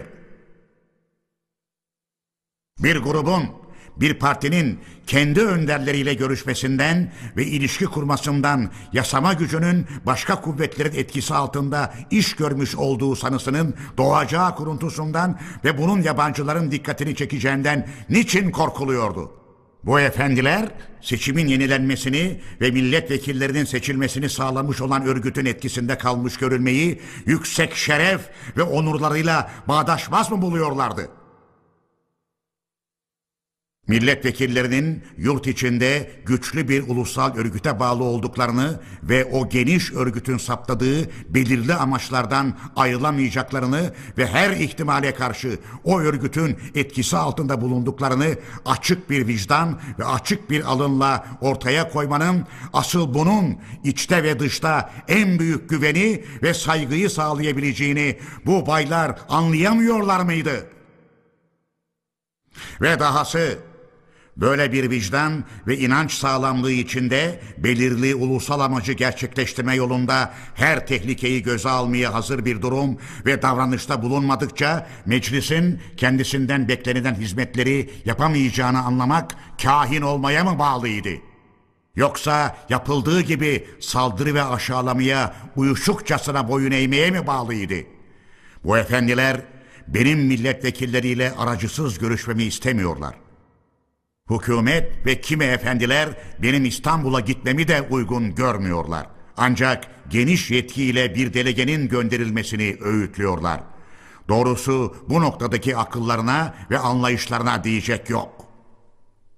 Milletvekillerinin düşman pençesine girmesinde en çok etkili olanlar ve sonunda kendilerini bile savunmak için tedbir ve çare bulmakta güçsüz olduklarını tanıtlayanlar bizim gönderdiğimiz delegeler değil miydi?'' Milletvekillerini kimseye danışmadan İstanbul'a çağırma işinde aldatmayı ve olup bittiye getirmeyi başaramadıktan sonra bize bildirim yaptırmayı istemekte gösterilen yumuşaklık da pek ince değil midir efendiler? Efendiler, bu sözünü ettiğim tele karşılık olarak ilkin şu kısa kapalı teli yazdım. 5 Ocak 1920 Harbiye Nazırı Cemal Paşa Hazretlerine K önergeyi veren milletvekillerinin adlarının ve bu önergeyi kime verdiklerinin bildirilmesini bekliyoruz efendim. Temsilciler Kurulu adına Mustafa Kemal. Harbiye 6 Ocak 1920. Ankara'da 20. Kolordu Komutanlığına. K 5 Ocak 1920. Mustafa Kemal Paşa Hazretlerine. Milletvekillerinin adları şunlardır. Hüseyin Kazım, Tahsin, Celalettin Arif, Hamit ve başkalarıdır. Bana getirenler baştaki iki kişidir. Harbiye Nazırı Cemal. Efendiler, sonradan bize verilen bilgiye göre bana tel çeken kişiler milletvekillerinden bir topluluk değildi. Sadrazam kendi tanıdığı Hakkı Bey adında bir kişiyi Siverek milletvekili olduğunu öğrenmesi üzerine ve Hüseyin Kazım Bey'i yanına çağırarak bana çekilmek üzere kısa bir tel yazdırmış. Bu teli kimi kişilere elden imza ettirmişler kapalı olarak gönderilmek üzere Hakkı ve Hüseyin Kazım Beyler Cemal Paşa'ya götürmüşler. Demek beş maddelik olan ve önerge adı verilen ter yazısı sonradan uydurulmuştur. Aslına bakılırsa önergeden söz edildiği halde bunun nereye sunulduğunun bugüne değin belli olmaması da bu işte dolap ve özel erek olduğunu göstermeye yeterdi. Meclis yeni açılmıştı ve meclis başkanlığı daha görevine başlamış değildi. Bununla birlikte Cemal Paşa'nın bu telini aldıktan sonra şu kapalı teli yazdım. Ankara 9-1-1920 Harbiye Nazırı Cemal Paşa Hazretlerine Hüseyin Kazım, Tahsin, Celalettin Arif, Hamit Beyefendilere Ankara'ya gelmenin kötü yorumlara yol açacağı üzerine Harbiye Nazırı Paşa Hazretleri aracılığıyla bildirilen görüşlerinizi öğrendik. Konu yurdun ve ulusun varlığı ile ilgilidir. Millet Meclisi'nde ulusal örgüte dayanan güçlü bir grup kurulmaz ve Sivas Genel Kongresi ile ulusun bütün dünyaya duyurduğu kararlar büyük çoğunlukça bir inanç ve genel bir kural olarak benimsenmezse ulusal hizmetimizin sağlayacağı başarı boşa gider. Yurt bir felakete uğrayabilir. Bundan dolayı bir takım vatansız ve dinsizlerin propagandaları bizim için uyulacak kural olmaz.'' Amaç ulusun esenliği ve yurdun kurtuluşudur. Bir iki günlüğüne buyurmanız ve karşılıklı görüşerek ülkü birliğine varmamız bizce pek önemlidir. Buna göre tutulacak yolun seçilmesi yüksek görüşünüze bağlıdır. Saygılarımızı sunarız efendim. Temsilciler Kurulu adına Mustafa Kemal Bayburt'ta bir yalancı peygamber Muhterem efendiler, İstanbul'un değindiğimiz ve açıkladığımız can sıkıcı durumuyla uğraşırken yurdun doğu ucunda da bir yalancı peygamberin ortaya çıkardığı önemlice ve kanlı bir olay geçiyordu. Bu konu üzerine 15. Kolordu Komutanlığından birçok raporlar geliyordu. Bayburt'ta 4 saatlik yerde Hart köyü vardır. Bu köyde oturan Eşref adında bir şey halka Şiilik aşılıyormuş. Buna yüzülen Bayburt müftüsü ve hocalar şeyhi çağırarak sorguya çekmek için meydana getirdikleri bir kurulu harta göndermişler. Ve hükümet adına şeyhi çağırmışlar. Şeyh bu çağrıya gelmemiş. Hükümetçe 50 kişilik bir birlik gönderilmiş. Buna büsbütün kızan şeyh kendisine uymuş olan kişileri başına toplayarak birliğe saldırmış. Silahlarını ve cephanesini almış. Erlerini ve subaylarını tutsak etmiş ve bazılarını da şehit etmiş. Bunun üzerine çevredeki bazı birlikler Bayburt'a gönderilmekle birlikte işin kan dökülmeksizin barış yoluyla bir sonuca bağlanması yeğ tutulmuş. Şeyhin yanına hocalardan ve üst subaylardan meydana getirilen birkaç kurul gönderilmiş. Hükümete boyun eğmesi için öğütler verilmiş. Böylece boşuna 16 gün geçirilmiş.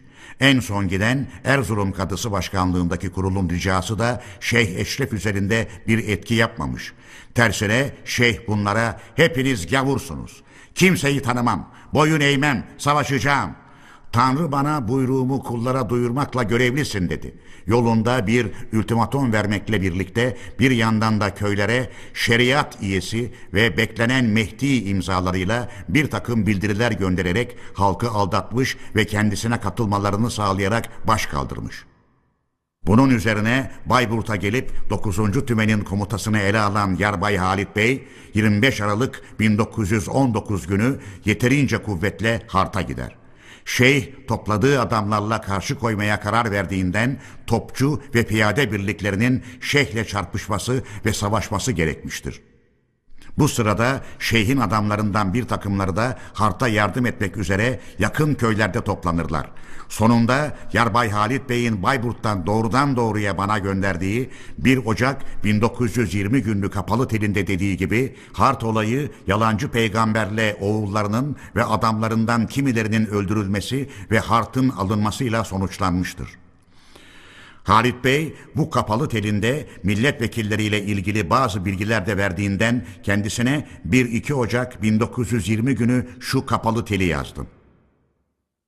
Hart olayında siz kardeşimin elde ettiği başarıyı kutlar ve milletvekillerinin Ankara'ya gelmeleri yolundaki çalışmalarınıza teşekkür ederim. Mustafa Kemal Harbiye Nazırı Cemal Paşa genç komutanları iş başından uzaklaştırmak istiyor. Efendiler, Harbiye Nazırlığı ile Temsilciler Kurulu arasında sürüp giden bir uyuşmazlık konusu vardı. Nazır Paşa İstanbul'da bulunan generalleri kolorduların başına ve albayları tümenlerin başına geçirmek istiyordu. Öteki üst subaylarla subayları da Anadolu'daki birliklere göndereceğinden söz ediyordu. Bu isteği bir ilke olarak ileri sürmüş ve uygulanmasını da Harbiye Nazırlığı eski müsteşarı Ahmet Fevzi Paşa'yı Ankara'da Ali Fuat Paşa'nın yerine 20. Kolordu Komutanlığına ve Nurettin Paşa'yı da Konya'da Albay Fahrettin Bey'in yerine 12. Kolordu Komutanlığına atamakla bir olup bittiye getirmek istemişti. Bu yönteme göre iş yapılınca Birinci Dünya Savaşı'nda yetişmiş ve kolordu ve tümen komutanlıklarına yükselmiş ne kadar genç, general ve üst subay varsa hiç kuşku yok bunların hepsi bu görevlerden uzaklaştırılmış olacaklardı. Çünkü İstanbul'da toplanmış eski general ve üst subaylar kıdem ve rütbe bakımından ordudaki büyük birliklerin başında bulunan genç komutanlardan öndeydiler. Biz hiçbir zaman bu ilkeden yana olamazdık. Özellikle içinde bulunduğumuz koşullar unutularak yapılan böyle yanlış işlere olur diyemezdik. Bunun için Cemal Paşa'ya her zaman görüşümüzü ve atanan yeni kolordu komutanlarının gönderilmemeleri gerektiğini bildiriyorduk. Fahrettin Paşa kolordusunun başında bulunarak Aydın cephesine yardım etmeye ve destek olmaya çalışıyordu. Ali Fuat Paşa, Ferit Paşa zamanında işten çıkarılmıştı. Cemal Paşa o haksız işlemi düzeltmek istememişti. 20. Kolordu'ya Ankara'da bulunan 24. Tümen Komutanı Yarbay Rahmetli Mahmut Bey vekil olarak komuta ediyordu. Ali Fuat Paşa hem Ulusal Kuvvetler Komutanlığını yapıyor hem de gerçekte kol ordusunu elinde tutuyordu. Biz kolordu ve tümen gibi birliklerde komuta değişikliğini kabul etmemeye, özellikle ulusal isteklere uymuş ve o yolda çalışan kişilikleri belli komutanları böyle boş ve nasıl bir özel amaca dayandığı bilinmeyen bir ilke için elden çıkarmamaya kesin olarak karar verdik. Yalnız İstanbul'da bulunan genç ve özverili subayların ve doktorların bir an önce Anadolu'ya ordu birliklerine gönderilmelerini yararlı buluyor ve istiyorduk. Cemal Paşa Ankara'ya geldiğimiz günlerde bu işi daha çok üstelemeye ve bu iş üzerinde tezcanlılık göstermeye başladı. Bunun bir onur işi olduğunu ileri sürdü. Nazırlıktan çekileceğini bildirerek gözdağı vermeye başladı. Makine başında cevap verilmesi için yaptığı üstelemeler üzerine Harbiye Nazırı'na 29 Aralık 1919 günü yazdığım kapalı telde Ali Fuat Paşa'nın komutanlıktan ayrılmasını biz aslında hiçbir zaman temelli saymadık. Ahmet Fevzi Paşa'nın asıl olarak komutanlığa atanması söz konusu olamaz. Barış yapılmadan önce düşünülen ve uygun bulunan yöntemin uygulanması büyük sakıncalar doğurur. Savaşta çalışarak yükselmiş kişileri ast durumuna düşürmek olamaz. Bu zamansız girişimler ulusal örgütler için çalışmakta olan kişilerin iş başından ayrılmalarına ve böylece ulusal birliğin bozulmasına yol açar. Açıkta kalmış yeterli kişiler kolordulara bağlı bulunan bölge ve mevki komutanlıklarına askerlik şubelerine atanarak genliğe kavuşturulabilirler. Küçük rütbeli subay ve doktorların ise bir an önce gönderilmesi gerekir. 12. kolorduya gelince bu kolordu savaşan ulusal kuvvetlerle işbirliği yapmış ve iki yan arasında edimli ve karşılıklı bir güven doğmuştur. Değişikliğe hiç yer yoktur. Oradaki durumda böyle bir şeye hiçbir zaman elverişli değildir dedim. Efendiler, bu konu üzerinde Anadolu ve Rumeli'de bulunan bütün komutanlarla yazışmalar yaparak kendilerini uyarmıştım. Ocak ayı başında Ankara'da bulunan Fuat Paşa'ya olduğu gibi Konya'da bulunan Fahrettin Paşa'ya da Nurettin Paşa atanacak olursa komutayı bırakmayarak eskisi gibi ulus ve yurt görevinizi sürdürmeniz gerekmektedir. Şu halde bu konuda yapılacak bildirimlerden zamanında bize bilgi veriniz diye buyruk verdim. Harbiye Nazırı Cemal Paşa dediklerim yapılmazsa çekilirim ve Millet Meclisi'nin açılması gerçekleşemeyecek bir düş olur diyor. Cemal Paşa Ocak ayı başlarında o sırada Harbiye Nazırlığı Başyaveri olan Salih Bey'i 8. Kolordu Komutanı Salih Paşa'dır Ankara'ya gönderdi. Salih Bey Cemal Paşa'nın iki mektubunu ve bu mektuplara ekli olarak itiraf devletleri olağanüstü temsilcilerinin verdikleri 24 Aralık 1919 günlü ortak bir notayı ve bu notaya hükümetin verdiği karşılığın örneğini getirdi.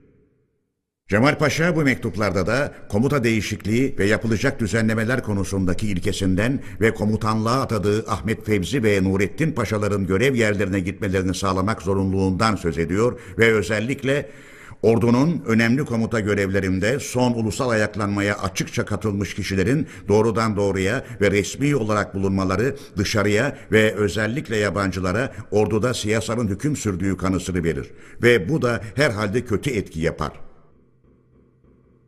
Nazırlık da edimli olarak bu yetkilerin baskısı altındadır diyordu ve görevinden çekileceğini gene bildiriyordu. Hem bu kez şu duruma göre artık Millet Meclisi'nin toplanmasının gerçekleşmez bir düş olacağını haber veriyordu. Belge 216 Efendiler, bu konuda Cemal Paşa'ya verdiğim karşılıkları şöylece özetleyebilirim. Düşüncelerimizin yerinde olduğu yolundaki inancımızı yeniden bildiririz. Ferit Paşa'nın kötülüklerinin sonucu olan Aydın cephesinin ve bölgesinin ve oralardaki ulusal kuvvetlerin şimdiki durumunu ve geleceğini pek çok ilgiyle dikkate alıyoruz. Gelecek için umut verici bir durumun yaratılmasını düşünüyoruz.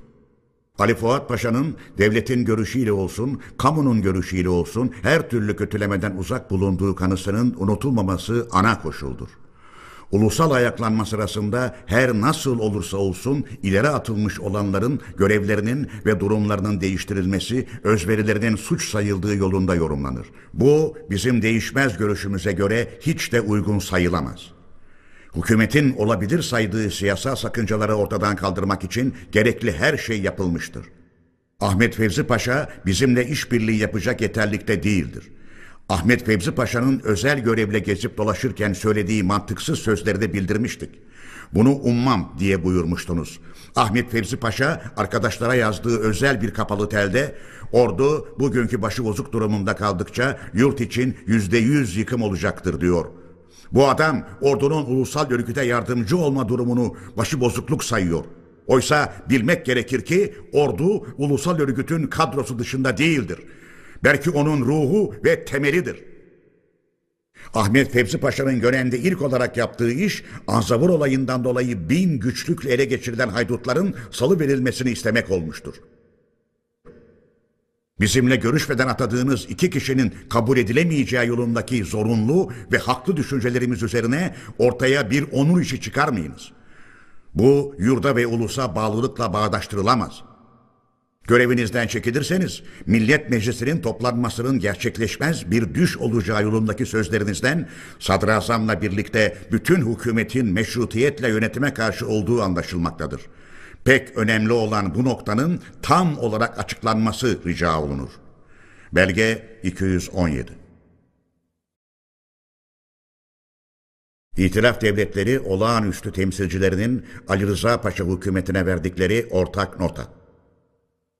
Efendiler, şimdi de Başyaver Salih Bey eliyle gönderildiğini bildirdiğim İtilaf Devletleri olağanüstü temsilcilerinin Ali Rıza Paşa hükümetine verdikleri ortak notadan biraz söz edeyim. Fransa, Büyük Britanya ve İtalya olağanüstü komiserleri Karadeniz Ordusu Başkomutanı Sayın George Milne ile Osmanlı Harbiye Nazırı arasında yapılan bir takım yazışmalara Osmanlı hükümetinin dikkatini çektikten sonra bu yazışmalardan açıkça anlaşılıyor ki Harbiye Nazırı Cemal Paşa Karadeniz Ordusu Başkomutanı'nın Paris'teki yüksek kurul kararlarına uyarak verdiği yönergeyi uygulayacak yerde yüksek görevinin gerektirdiği sorumluluktan kaçınarak kabul edilemeyecek bir takım özürler ve nedenler ileri sürmüştür. Olağanüstü komiserler Harbiye Nazırı'nın bu davranışından doğacak kötü sonuçlar üzerine Osmanlı hükümetinin dikkatini çekerken Karadeniz Ordusu Başkomutanı'nın bildirdiği konferans kararlarını uygulamak için ne gibi tedbirler almayı düşündüğünü öğrenmek isterler. Olağanüstü komiserler olayı öğrenen İtiraf Devletleri Yüksek Kurulu'nu aydınlatmak üzere Yüksek Kurul adına verilen buyrukları Harbiye Nazırı'nın yerine getirmemesi karşısında Osmanlı hükümetinin görüşlerini hemen bildirmesini ister diyorlar. Efendiler, Osmanlı hükümeti bu notaya verdiği karşılıkta İzmir'e Yunanlıların nasıl girdiğini, karma komisyonunun nasıl soruşturma yaptığını ve soruşturmaya değin geçen zaman içinde Yunan yırtıcılığı karşısında halkın nasıl canını kurtarma ve namusunu koruma kaygısına düştüğünü, hükümetle ordunun her zaman soruşturma komisyonunun adaletine ve insafına güvendiğini, yalnız akan kanlığı geçici de olsa dindirmek için Osmanlı Harbiye Nazırlığı'nın General Milne cenaplarına 23 Ağustos Ağustos 1919 günlü yazı ile öneride bulunmuş olduğunu bildiriyor ve bu önerinin Yunan birlikleriyle ulusal kuvvetler arasına Osmanlı birliklere yerleştirmek olduğunu fakat bu önerinin kabul edilmediğini açıklıyor. Sonra Yunanlıların girdikleri bölgeye Yunan birliklerinden başka İtilaf Devletleri birliklerinin girmeleri önerisiyle ilgili 20 ve 27 Ağustos 1919 günlü iki yazıya ve bunların karşılıksız kaldığına işaret olunuyor. Bundan sonra da General Mil'in canaplarının kendi çizdiği sınırı gösterir yazılarının 3 Kasım 1919 Harbiye Nazırlığına gönderilmesi noktasına değinerek Harbiye Nazırı'nın böyle bir yazı hükümlerini uygulamaya tek başına yetkili olmaması dolayısıyla hükümete başvurduğundan ve hükümetçe de komiserlere durumun bildirildiğinden söz ediliyor. Daha sonra geçici sınır çizgisine değin Yunanlıların girmesine engel olan kuvvetin halk topluluğu olduğu bildiriliyor. Hükümetin ve ordunun halkın bu tutumunu önleyemediği belirtilerek işe bir çözüm yolu bulunması bir daha rica ediliyor ve gerek hükümeti ve gerek Harbiye Nazırlığını sözde yüksek kurul kararlarını uygulamıyor gibi bir suçlamadan artık kurtarmaya iyilikseverlikle aracı olunması yolundaki yalvarmalara üstün saygılar da eklenerek karşılık yazıya son veriliyor. Belge 218. Muhterem efendiler, şimdi de Cemal Paşa'nın mektuplarında dokunduğu noktalara işaret edeceğim. Harbiye Nazırı bize itiraf devletleri komiserlerinin notasını okuturken bir yandan da öteden beri yaptırmak ya da bizi yapmaktan alıkoymak istediği noktaları bir daha bildiriyor ve pekiştiriyordu. Cemal Paşa'nın isteklerini bu kez ileri sürer ve önerirken sözü geçen notayı da okutarak bizim ruhsal ve içsel durumumuz üzerinde etki yapmayı düşünmüş olduğunu kestirmek bilmem doğru olur mu? Cemal Paşa itiraf devletlerinin siyasal eğilimlerinden söz ettikten sonra hükümet Wilson ilkelerine göre kabul edebileceği yenilikleri yapmaya söz verir nitelikte bir bildiriyi yakında yayımlayacaktır. Dahiliye Nazırını gücendirmemelidir. Çünkü görevinden çekilir. O çekilince de hükümet sarsılır. Meclis açıldığı zaman dahiliye ve hariciye nazırları kesin olarak değiştirilecektir. Düşmanlar meclisi açtırmamak istiyorlar. Dahası Muhipler Cemiyeti'nin padişaha başvurarak bu meclisin türeye uygun olmadığını bildirip dağıtılmasını isteyeceği haber alındı. Belge 219 diyor ve milletvekillerinin Ankara'ya gelmesi işinden söz ediyor. İtiraf devletlerinin Karadeniz Başkomutanı Osmanlı Harbiye Nazırı'na doğrudan doğruya yönerge ve buyruk vermektedir. Şimdi efendiler bu üç belgeyi göz önünde tutarak hep birlikte kısa bir yorumlama yapalım. Komiserlerin notasından anlıyoruz ki itiraf devletlerinin Karadeniz Başkomutanı Bay George Milne, Osmanlı Devleti'nin Harbiye Nazırına Cemal Paşa'ya doğrudan doğruya kendi buyruğu altındaymış gibi yönerge ve buyruklar vermektedir. Cemal Paşa şimdiye dek bunu bize bildirmedi. Ve yine anlıyoruz ki Osmanlı Devleti'nin Harbiye Nazırı aldığı yönerge ve buyrukları yerine getirememekten ve kabul edilemeyecek özürler ve nedenler ileri sürmüş olmaktan ötürü suçlandırılıyor. Harbiye Nazırı'nın aldığı buyrukların ne olduğunu kestiriyoruz ve niçin yerine getirilememekte olduğunu da anlıyoruz. Çünkü ulusal kuvvetler engel olmaktadır. Ulusal kuvvetler Harbiye Nazırı'nın ve hükümetin başkomutan Bay George Mill'nin buyruklarına ve yönergelerine uyarak verdiği ya da vereceği buyruklara boyun eğmiyor. İşte komiserler bunu Paris'teki yüksek kurul adına kabul edilebilecek özür ve neden saymıyorlar. Demek istiyorlar ki hükümetseniz, harbiye nazırı iseniz ülkeye, ulusa, orduya egemen olmalısınız. Egemen iseniz özürler ve nedenler kabul edilemez. Efendiler, Ali Rıza Paşa hükümeti 2 Ekim 1919'da iş başına geldi. Ondan önce Ferit Paşa hükümeti vardı. Bu duruma göre ulusal kuvvetlerle Yunan birlikleri arasına Osmanlı birlikleri yerleştirilmesiyle ilgili 23 Ağustos 1919 günlü öneriyi yapan Ferit Paşa hükümetidir. Düşman eline geçen bölgenin yalnız itiraf birlikleri elinde bulunmasıyla ilgili 20 ve 27 Ağustos 1919 günlü önerileri yapan da Ferit Paşa hükümetidir. Ali Rıza Paşa hükümeti daha bir öneri ortaya atmış değildir. Ama tersine Başkomutan Milne 3 Kasım 1919 günü düşmanların gireceği bölgenin sınırını belirtiyor ve bu sınıra değin Yunanlıların girmesinin sağlanmasını Harbiye Nazırı Cemal Paşa'ya buyuruyor. İşte Cemal Paşa'nın yerine getiremediği buyruk bu oluyor. Teşekkür olunur ki gerek kendisi ve gerek üyesi bulunduğu hükümet iş başına geldiklerinden çok çok bir ay sonra ulusal kuvvetler karşısında güçsüz olduklarını yabancı komiserlere söyleyebilmişlerdir. Efendiler, bu belgelerden anlaşılması gereken en önemli ve en anlamlı nokta bence hükümetin ortak notaya verdiği karşılıkta komiserlerin ileri sürdükleri notalara büyük bir alçak gönüllülükle ve büyük bir incelikle karşılık verilirken bir yön üzerinde hiç durulmamış olmasıdır. O da efendiler Bay George Mill'in doğrudan doğruya Osmanlı Devleti'nin Harbiye Nazırına buyruk ve yönerge vermekte olmasıdır.'' Bu durum ne ulusal örgüte karşı her şeyi onur işi yapan Harbiye Nazırı'nın ne de Osmanlı Devleti'nin bağımsızlığını sağlamak sorumluluğunu yüklenmiş olan hükümetin onuruna dokunmuyor. Bu durumun kendilerinin onurunu ve devletin bağımsızlığını çoktan zedelemiş olduğunu anlamak istemiyorlar. Hiç olmazsa protesto etmiyorlar. Hiç olmazsa bağımsızlığı ortadan kaldıran bu sataşmaya ve saldırıya maşa olamayız diye bağırmayı göze alamıyorlar göze alamıyorlar efendiler. Çünkü korkuyorlar. Nitekim korktukları başlarına geldi. Bunu yakında göreceğiz. Korkmamak için insanlık onuruna ve ulusal onura dokunulmayacak bir çevrede ve öyle koşullar içinde bulunmak gerekir. Buna önem vermeyenlerin aslında bir insan için, bir ulus için dokunulmaz olarak kalması en büyük namus ülküsü olan kutsal kavramlar üzerinde çoktan saygısız ve duygusuz oldukları yargısına varmakta yanlışlık yoktur.